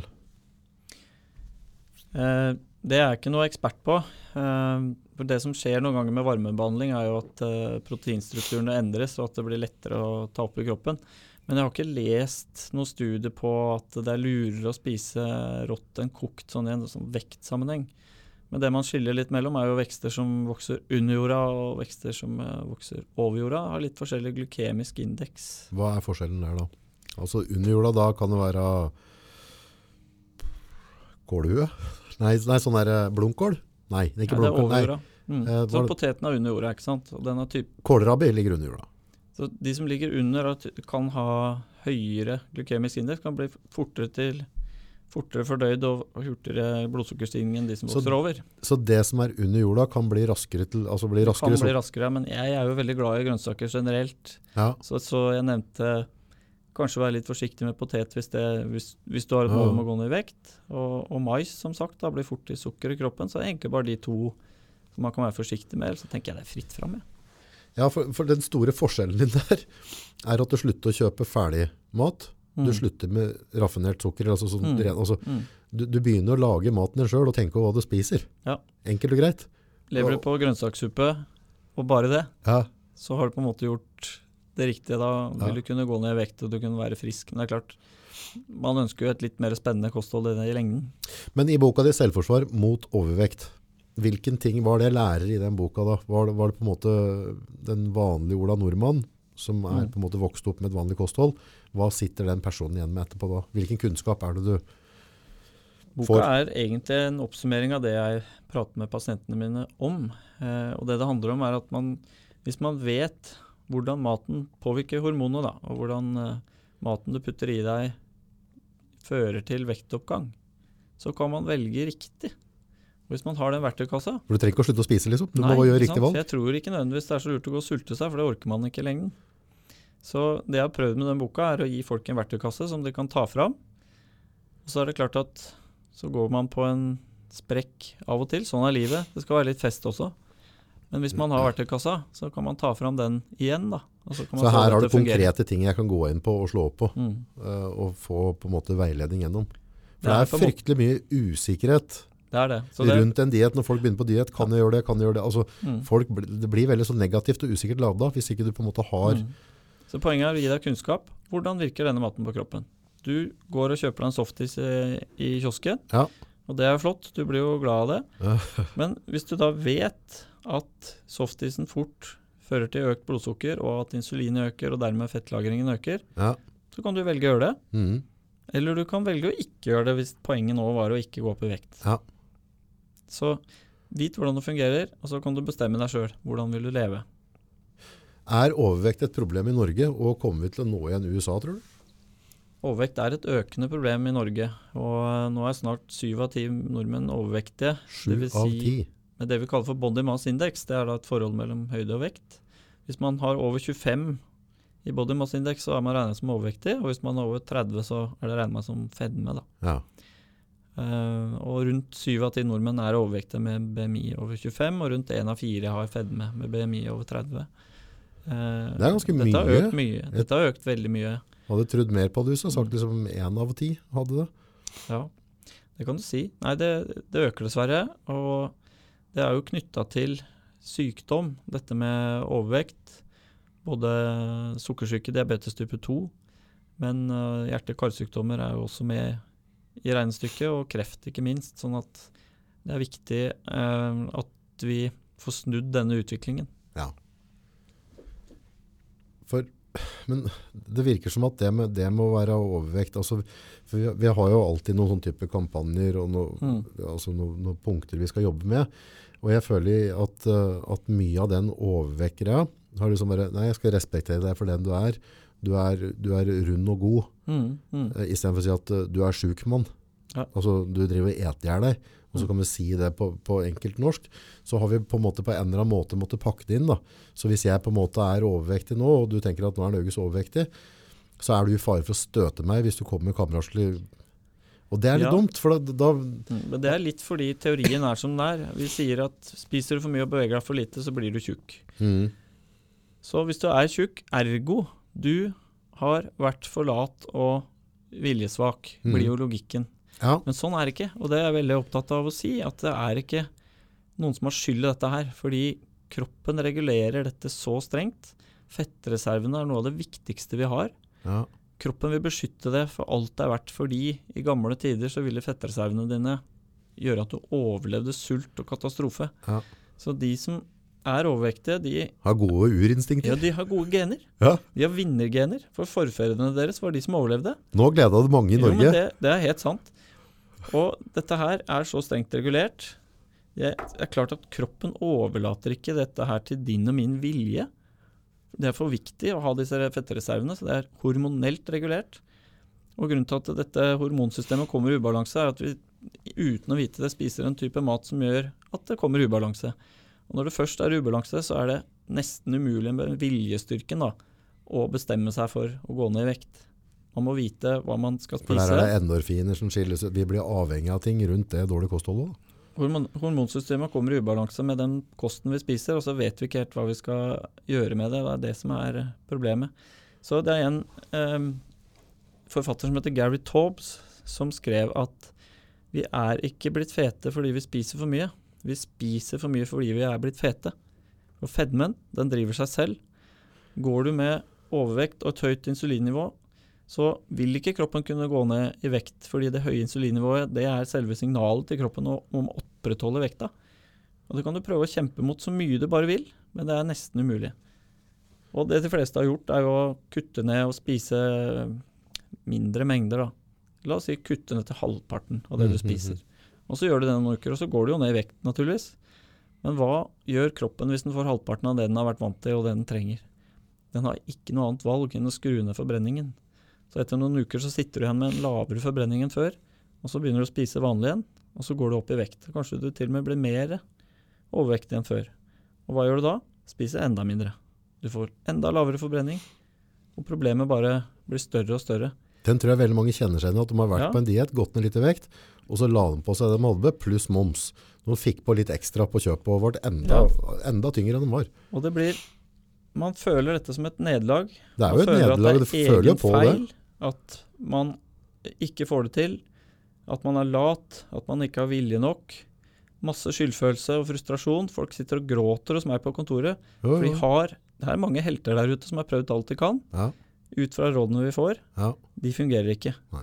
Så vi må vite hvordan kroppen fungerer for å kunne løse eh, dette problemet. Og så fort folk skjønner det der, så får de det til. Men klart har det gått sånn i mange år, så må det kraftig lut til. Én ting er at vi må spise riktig, en mat, type mat som ikke får insulinhormon til å øke for mye. Mm. Men hvis vi da har fått insulinresistens for vi har gått med høye nivåer over tid, så må vi sannsynligvis også legge inn periodisk faste for å få det til å fungere. Rense opp igjen reseptorer, rett og slett. Altså få nullstilt. Reversere resistensen. Og det kan man gjøre hvis man faster periodisk. Et eksempel på det er å faste to-tre ganger i uka et døgn, og så spise vanlig Helt døgn uten mat. Mm. Det er det noen klinikker som eh, driver med med god effekt. Man kan også gjøre en litt mer overkommelig eh, faste, hvor man hopper over kveldsmaten, spiser middag, hopper over kveldsmat og ikke spiser før til frokost igjen. 16 timer faste. Mm. Det er også bra. Men hva skjer når du har vært i fastetype 12-13-14 timer? Det er klart at hvis insulinnivået får lov til å synke Høyt insulin det gjør at kroppen bygger. Mm. Bygger fett, eh, bygger muskler.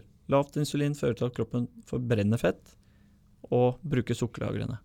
Så har det vært mange nok timer uten mat, så begynner kroppen å, å bruke av reservene sine. Det er det man ønsker ikke sant, hvis man Mm. vil ned i vekt. Men hvis man spiser ofte, så lar man ikke kroppen få sjanse til det. Faste er en kjempefin måte å få ned insulinet på. eh, og gjøre at kroppen får lov til å endelig begynne å bruke fettreservene sine. Har du noen tanker rundt det med mm, at hvis du skal på en type diett, eller du ønsker å ned i vekt nå da, hvis du har det som utgangspunkt, at det å gjøre noe type kardiotrening på fastende mage på morgenen før du tar den omeletten, gjør at du får et, et noe kvassere stoffskifte utover dagen?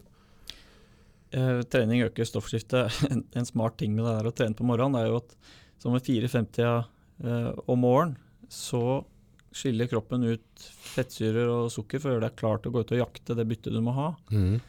Eh, og samtidig veksthormon.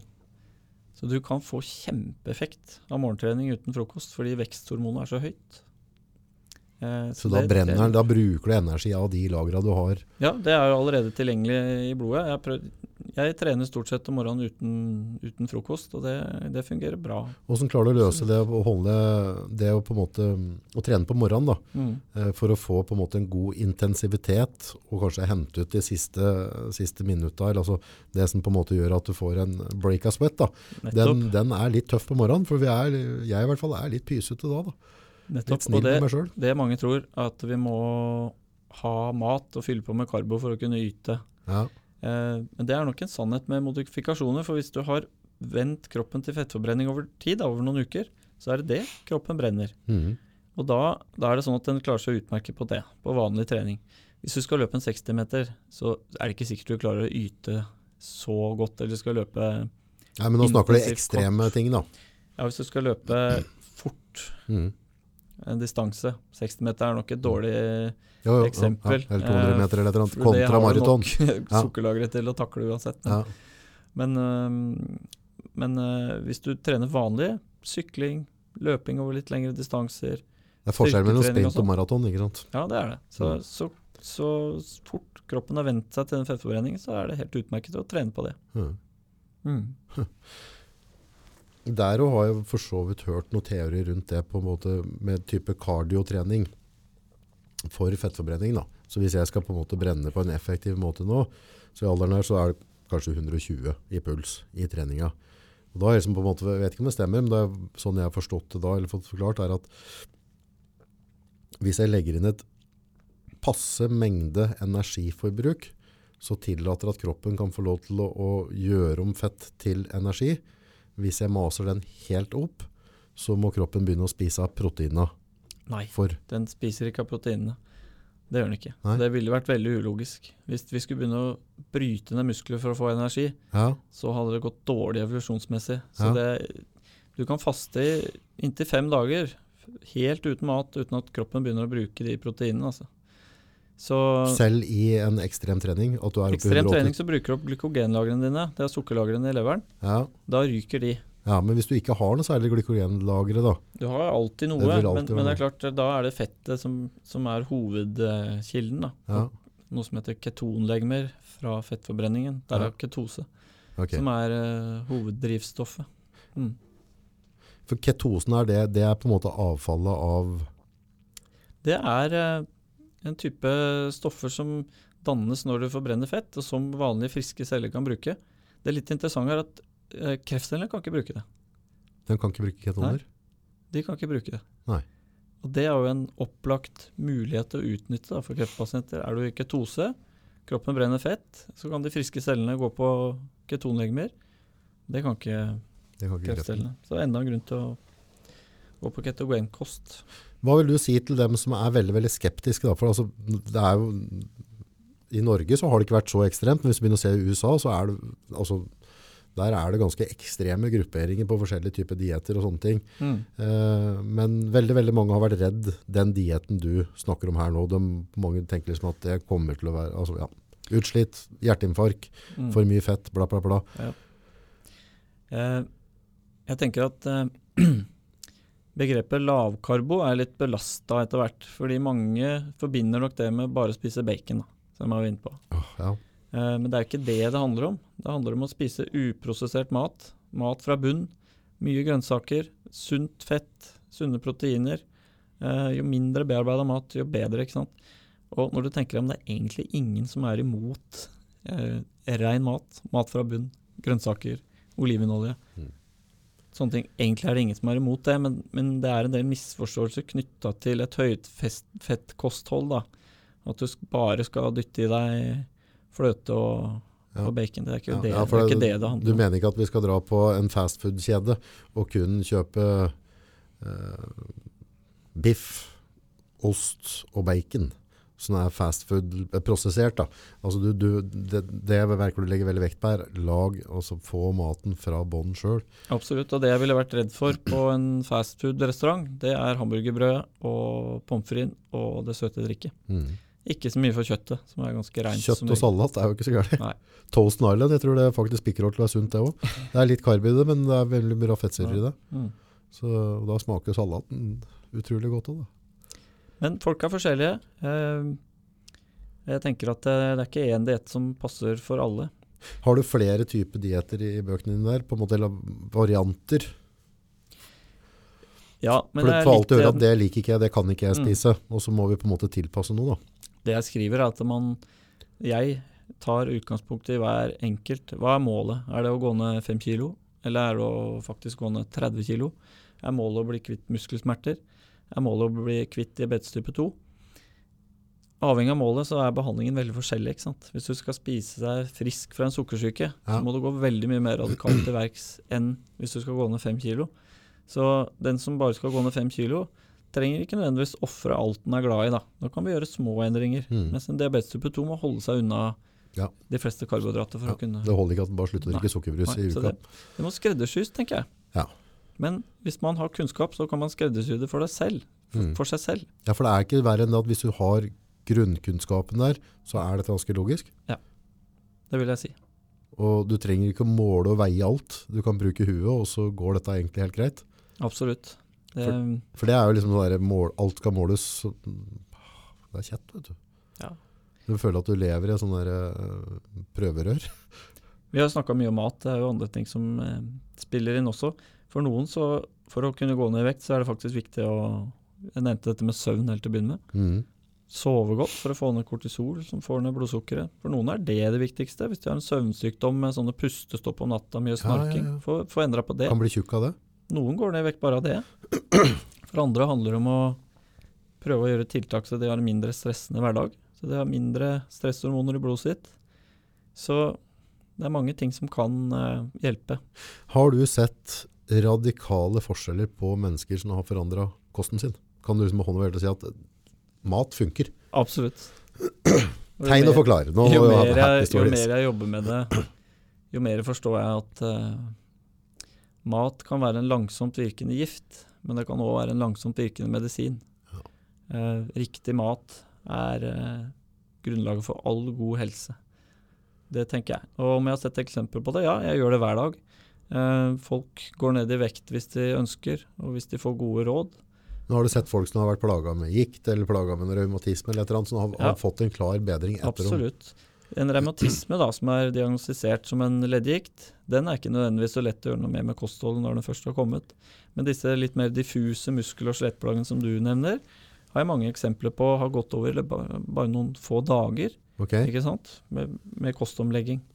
Sånn at eh, det er det. Og så har jeg også sett eh, flere som har spist seg friske fra diabetes type 2. Spist seg frisk. Rett og slett gått fra et uh, høyt blodsukker til å spise seg ned i normale blodsukkeret. Og det er ikke veldig mange år siden at det ble ansett nærmest som en umulighet. At man regner med at dette var en sånn gradvis forverrende sykdom som bare ble verre og verre uten Det var ikke Uansett reversibelt, liksom. nettopp. Ja, men diabetes 2, men da går du da på type, er det tabletter som er med å regulere insulinet ditt, er det det? Ikke sant. Du har Ja. to typer diabetes. Type 1, da har du ødelagt uh, bukspyttkjertelcellene som lager insulin. Da må du ha insulin. Ok, så da, da, er, da Så du... da er det sprøyter. Mens en eh, type 2, som er den vanligste, den eh, handler mer om uh, livsstil over mange år. For da er ikke bukspyttkjertelen herpa ennå. Nei, Men du og- kan få til å ødelegge den hvis du ikke passer deg. de deg. fleste så virker det sånn at de har for høyt insulin, faktisk. Fordi man har fått en resistens, vært høyt insulin over tid, og så begynner det å virke dårligere, får en resistens. Og så virker det til slutt så dårlig at, at insulinet får ikke bort blodsukker i det hele tatt, så da må man begynne med medikamenter og legge om kosten. Og noen klarer da bare ved å legge om kosten og spise seg friske. Har du noen andre plager folk har hatt som har klart å spise seg vekk ifra? Foruten overvekt, holdt jeg på å si. Det er klart at Når de går ned i vekt, så blir disse søvnproblemene også gjerne Ja, mindre. er altså ikke går dette så- mistenkelig? Mm. Du går ned 30 kilo, så sover du bedre. Ja. Det er jo noe trykk oppå her som skal Og en annen ting er jo dette med mageplager. Veldig mange som går rundt med litt vond, oppblåst mage, liksom vekslende løs avføring. Ganske mye eh, plager knytta til dette med tarmen, altså. Ja, ja. Og det er klart at eh, der er det mange som opplever kjempegod effekt av å legge om kosten. Ja, jeg og, nå sitter vi som noen pensjonister og prater om tarm her, da. Men, eh, men eh, de gangene jeg har klart å holde et relativt bra lavkarbinntak, da, eller altså ha litt av dem, så har jeg null issues med magen. Mm. Ikke oppblåst regelmessig. Altså den, men så fort jeg på en måte er bortpå så brødskiven og sånne ting, så, og Ja. pasta og alt dette greiene der, så er det liksom all bets off. Magen bare whoop. Det er nok en erfaring du deler med mange. Mm. Det er litt sprøtt. Jeg har akkurat samme opplevelsen selv. Så Men hvorfor er. klarer jeg ikke å holde meg til denne dietten da? Hvorfor er jeg nødt til å, å rable utpå, som 90% av norske folk? Det er jo dette som er... Mm. Men, men uh, hvis jeg legger fram det jeg spiser, da. Nå har du hørt en del av det. Hvis du åpner med noe eggemat til frokost, Mm. og du er lenge mett av det, salat til lunsj eller middagsrester fra dagen før, så har du vanlig middag, men du dropper potetene og pasta. Ja. Og på kvelden eventuelt noe ost og skinke. Er det helt umulig å, å trives med det, tror du, over tid? Nei, altså, men, men det er på en måte når det skjer et eller annet ekstraordinært, også, eller om jeg et eller annet som har skjedd, Altså med Mm. jobb, stress, styr og stell, og så på en måte stakkars meg på kvelden. Ja, ja. Og, så, og så havner jeg på kjøret. Mm. På kjekskjøret eller et eller annet mjølk. Og, altså da kan jeg på en måte... Men jeg vet ikke hvorfor jeg, hvorfor jeg forbinder det med belønning. For hadde jeg på en måte vært sånn akkurat passe glad i meg selv og ville belønne meg selv, Mm. så hadde jeg gitt blaffen i dette der. Og så hadde jeg tatt, tatt grønnsakene mine, tatt kjøttet, Mm. tatt fettet mitt. Men kanskje du skal få lov å belønne deg, da. Bare at du skal skifte ut belønningen. At du skifter ut uh, potetgullet med peanøtter. Ja. Eller at du skifter ut uh, sjokoladen med bær med krem og mørk sjokolade på. Og så Ja, blir du glad i det. Og så Ja. er det belønningen. For jeg tror livet er jo en balanse. Det er faste, og det er fest. Ja, Og du skal ha lov å gå i en konfirmasjon og nyte de kakene, så får du faste dagen etter, da. ja. Ikke sant? Det er en balanse. Det er så jeg sagt, liksom, hadde jeg klart å spise 70, pro- 70 av året og vært fornuftig, så Mm. hadde det gått bra. Ja. Så kunne jeg hatt liksom sånn noen dager i uka du driter deg litt ut. Men problemet er når jeg driter meg ut, eller på en måte krasjer, mm. eh, så er det vanskeligere å hanke inn dagen etterpå, for da Mm. gir du litt opp. Ikke sant? Ja, Ja. Nå, ja, det er samme. Nå gikk det ut Lundas, så kan jeg liksom ete det. Men føler du at du har verktøykassa som gjør at du kan gjøre de riktige tingene, så er du jo kommet langt, da. Ja. ja, det er bare at eh, måte, jeg synes det er vanskelig å holde det. Da. Så jeg vet akkurat hva jeg skal Mm. spise, og hvor mye jeg skal spise, og så vet jeg akkurat hvor mye jeg går ned. Det jeg pleier å si til folk, skift smart. Skift fra det du vanligvis belønner deg med, til noe annet som du også liker. Som er lurere, da. Dette er jo sånn, sånn som sånn sukkerfri brus. Eh, før så drakk jeg bare tjukk- tjukkola. Mm. That's it. Mm. Um, og så helt, altså alt som var sukkerfritt, det var ikke i nærheten at jeg gadd å drikke det. Så var jeg på en litt sånn streng diett for masse, masse år siden. Og så trengte jeg litt belønning der, og så belønner jeg da med sukkerfri brus Mm. den halvannen måneden jeg var på den. Etter det så har jeg ikke likt sukkerbrus. Nei. Jeg rører det ikke mer. Altså skal jeg ha brus nå, jeg, ikke sånn, jeg drikker ikke litervis av dagen, Nei. så, så er det helt uaktuelt å ta med sukker. Jeg må nevne det med Aspartam. sukkerfri brus. Eh, akkurat de søtstoffene de lurer hjernen litt. Så hjernen skjønner at nå er det noe godt på gang, men den blir ikke helt fornøyd. For den får ikke helt den belønningen den er vant med med sukker. Nei. Og da vil du sannsynligvis begynne å bli fysen på noe søtt. Så sukkerbrus Så han kan gjør- få deg til å få lyst på noe Ja. Ja. Så, så det, det øker matlysten og lyst på noe søtt det med sukkerfri brus. Ja. En annen ting det gjør som ikke folk er klar over, at også sukkerfritt øker insulinet. Og hvis insulinet øker, så legger man jo på seg, Mm. i tillegg til at man blir mer sulten. Ja. Så Aspartan, har du satt deg noe inn i det? det er omdiskutert. Um, jeg holder meg unna sukkerfri brus.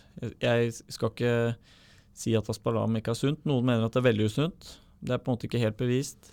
Nei, for de har ikke helt klart, altså der igjen så sier de som aspartan i seg selv, men noen av de andre stoffene, 1 pluss én blir seks igjen. altså, Ja, og det er kunstig, så jeg tenker at uh, det er bedre å drikke vann med kullsyre. Hvis man Mm. vil ha noe kaldt og noe som gir litt kullsyre, så type Farris Bris eller noe uh, er bedre. Da Da får du ikke insulinforhøring, og du får ikke det, dette søthungeret som kan følge med sukkerfri brus, da, med Mm. aspartam og lignende. men klart der igjen så er det jo viktig for folk å tenke på liksom det allikevel så hvis du på død ikke klarer å leve uten brus, mm. så er det mest sannsynlig bedre å ta en sukkerfri enn en, Du sparer sukkeret, så det er bra.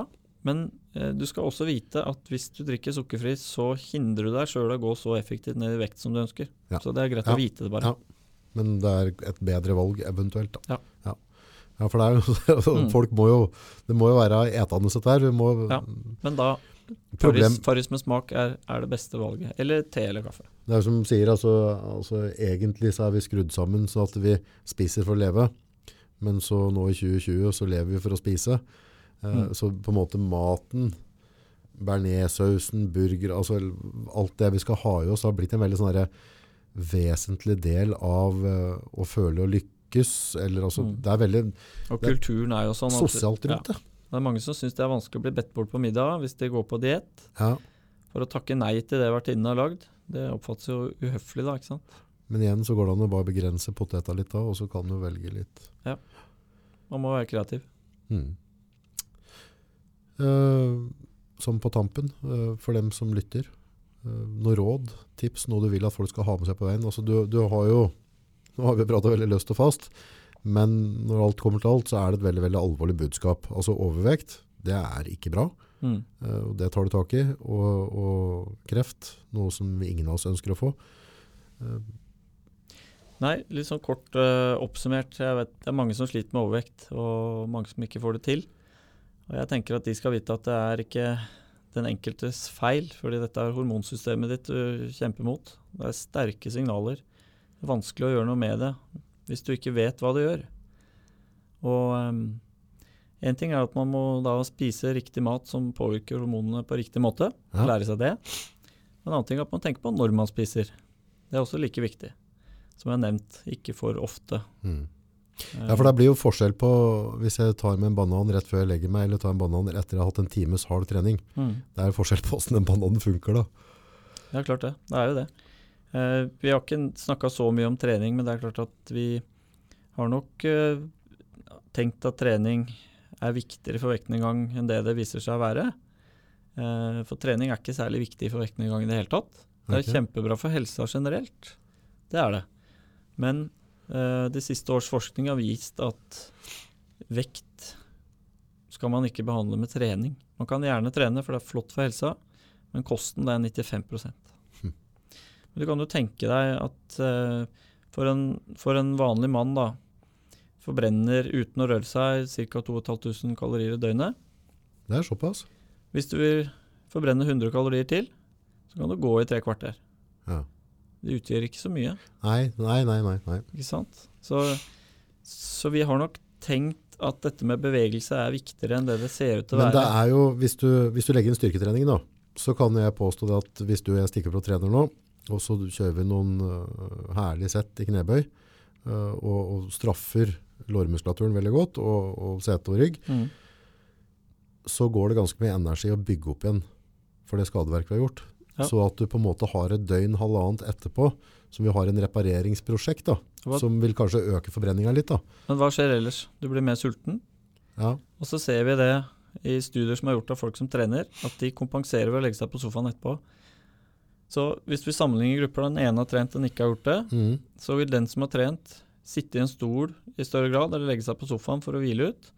Mens de som ikke har trent, de vil ha en tendens til å være mer vanlig aktive etterpå. Eh, og spise mindre, for de har behov for mindre kalorier. Så det ser ut til at eh, akkurat for vekten i gang, så skal vi ikke heise det treningsflagget så høyt. Og det pleier jeg å si til folk, at trening er en flott bonus. Veldig bra for helsa. ja. Men hvis du satser på det for å gå ned i vekt, så kommer du til å bli skuffa. Så det er kanskje greit ja å hvis du ikke har kostholdet ved siden av riktig, så er det, det må jo bli en... er 95% Jeg anbefaler folk å trene. Jeg trener mye sjøl. Mm.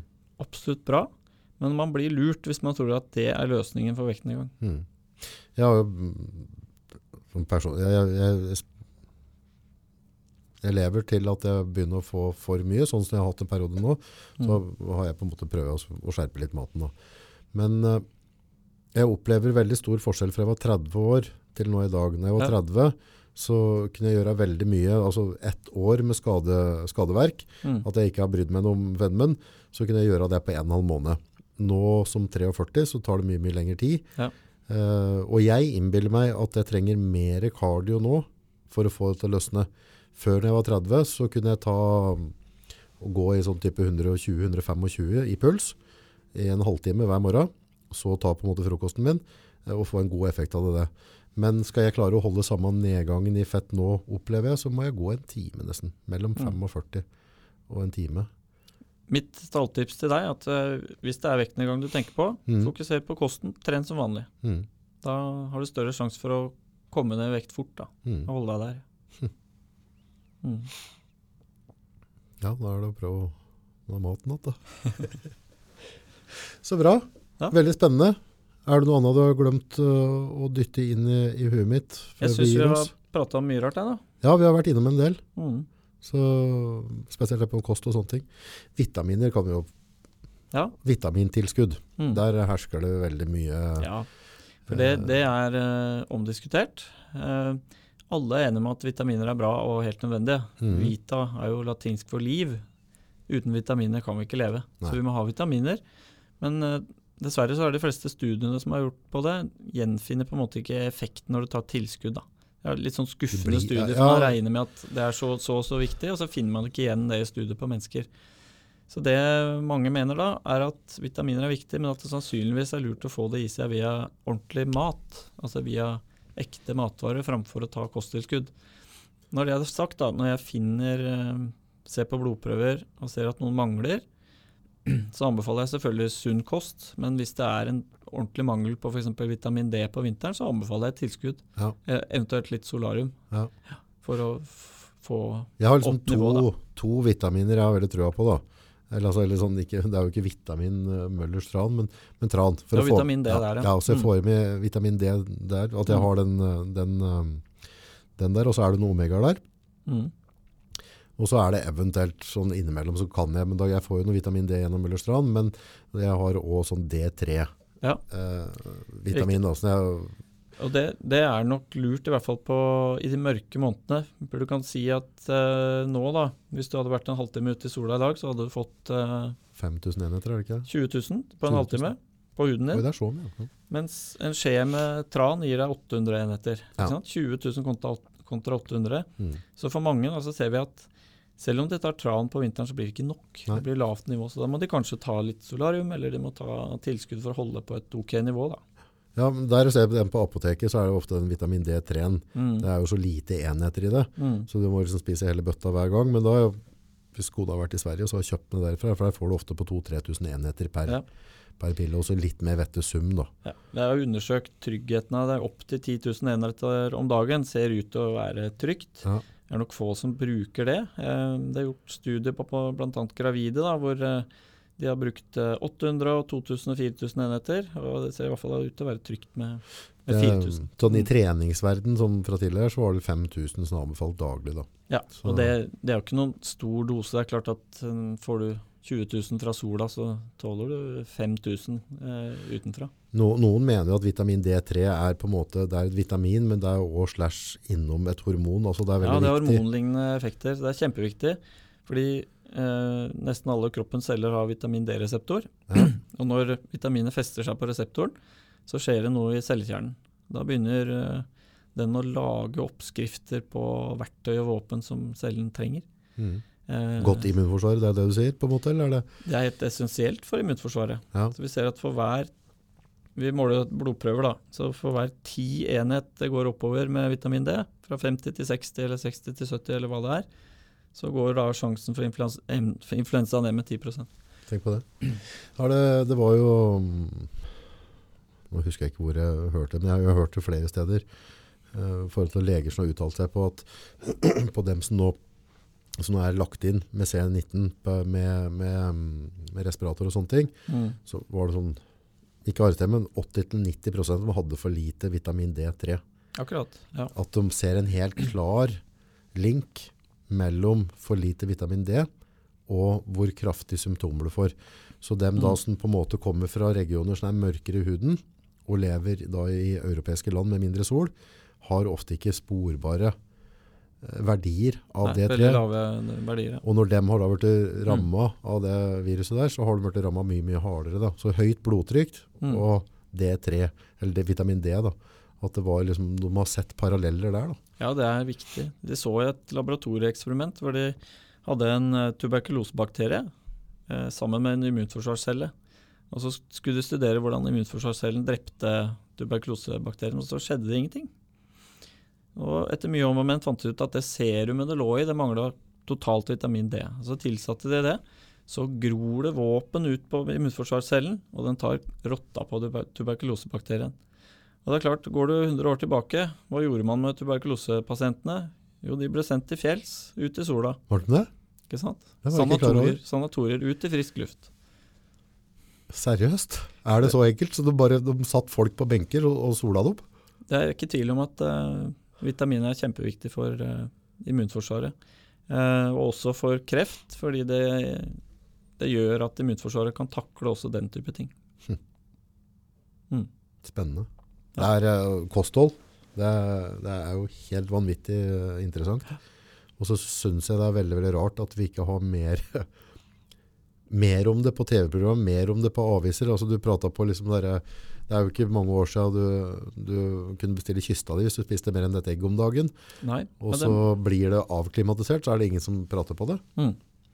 Nei, men det er, det er mye debatt rundt det, og det gjør jo at folk, folk blir uh, usikre. Mm. Men uh, nå tenker jeg nå er tida for å ta grep, og jeg opplever jo at folk kommer til meg De har funnet løsningen selv, uten å ha snakket med meg.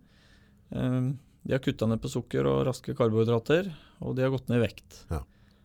Og de tør nesten ikke å si det. For de regner med at legen skal være imot Uh, det blir sjåna. Og lavkarb, ikke sant? Også. så- Så jeg, jeg opplever vel at uh, endringen er i ferd med å skje på grasrota.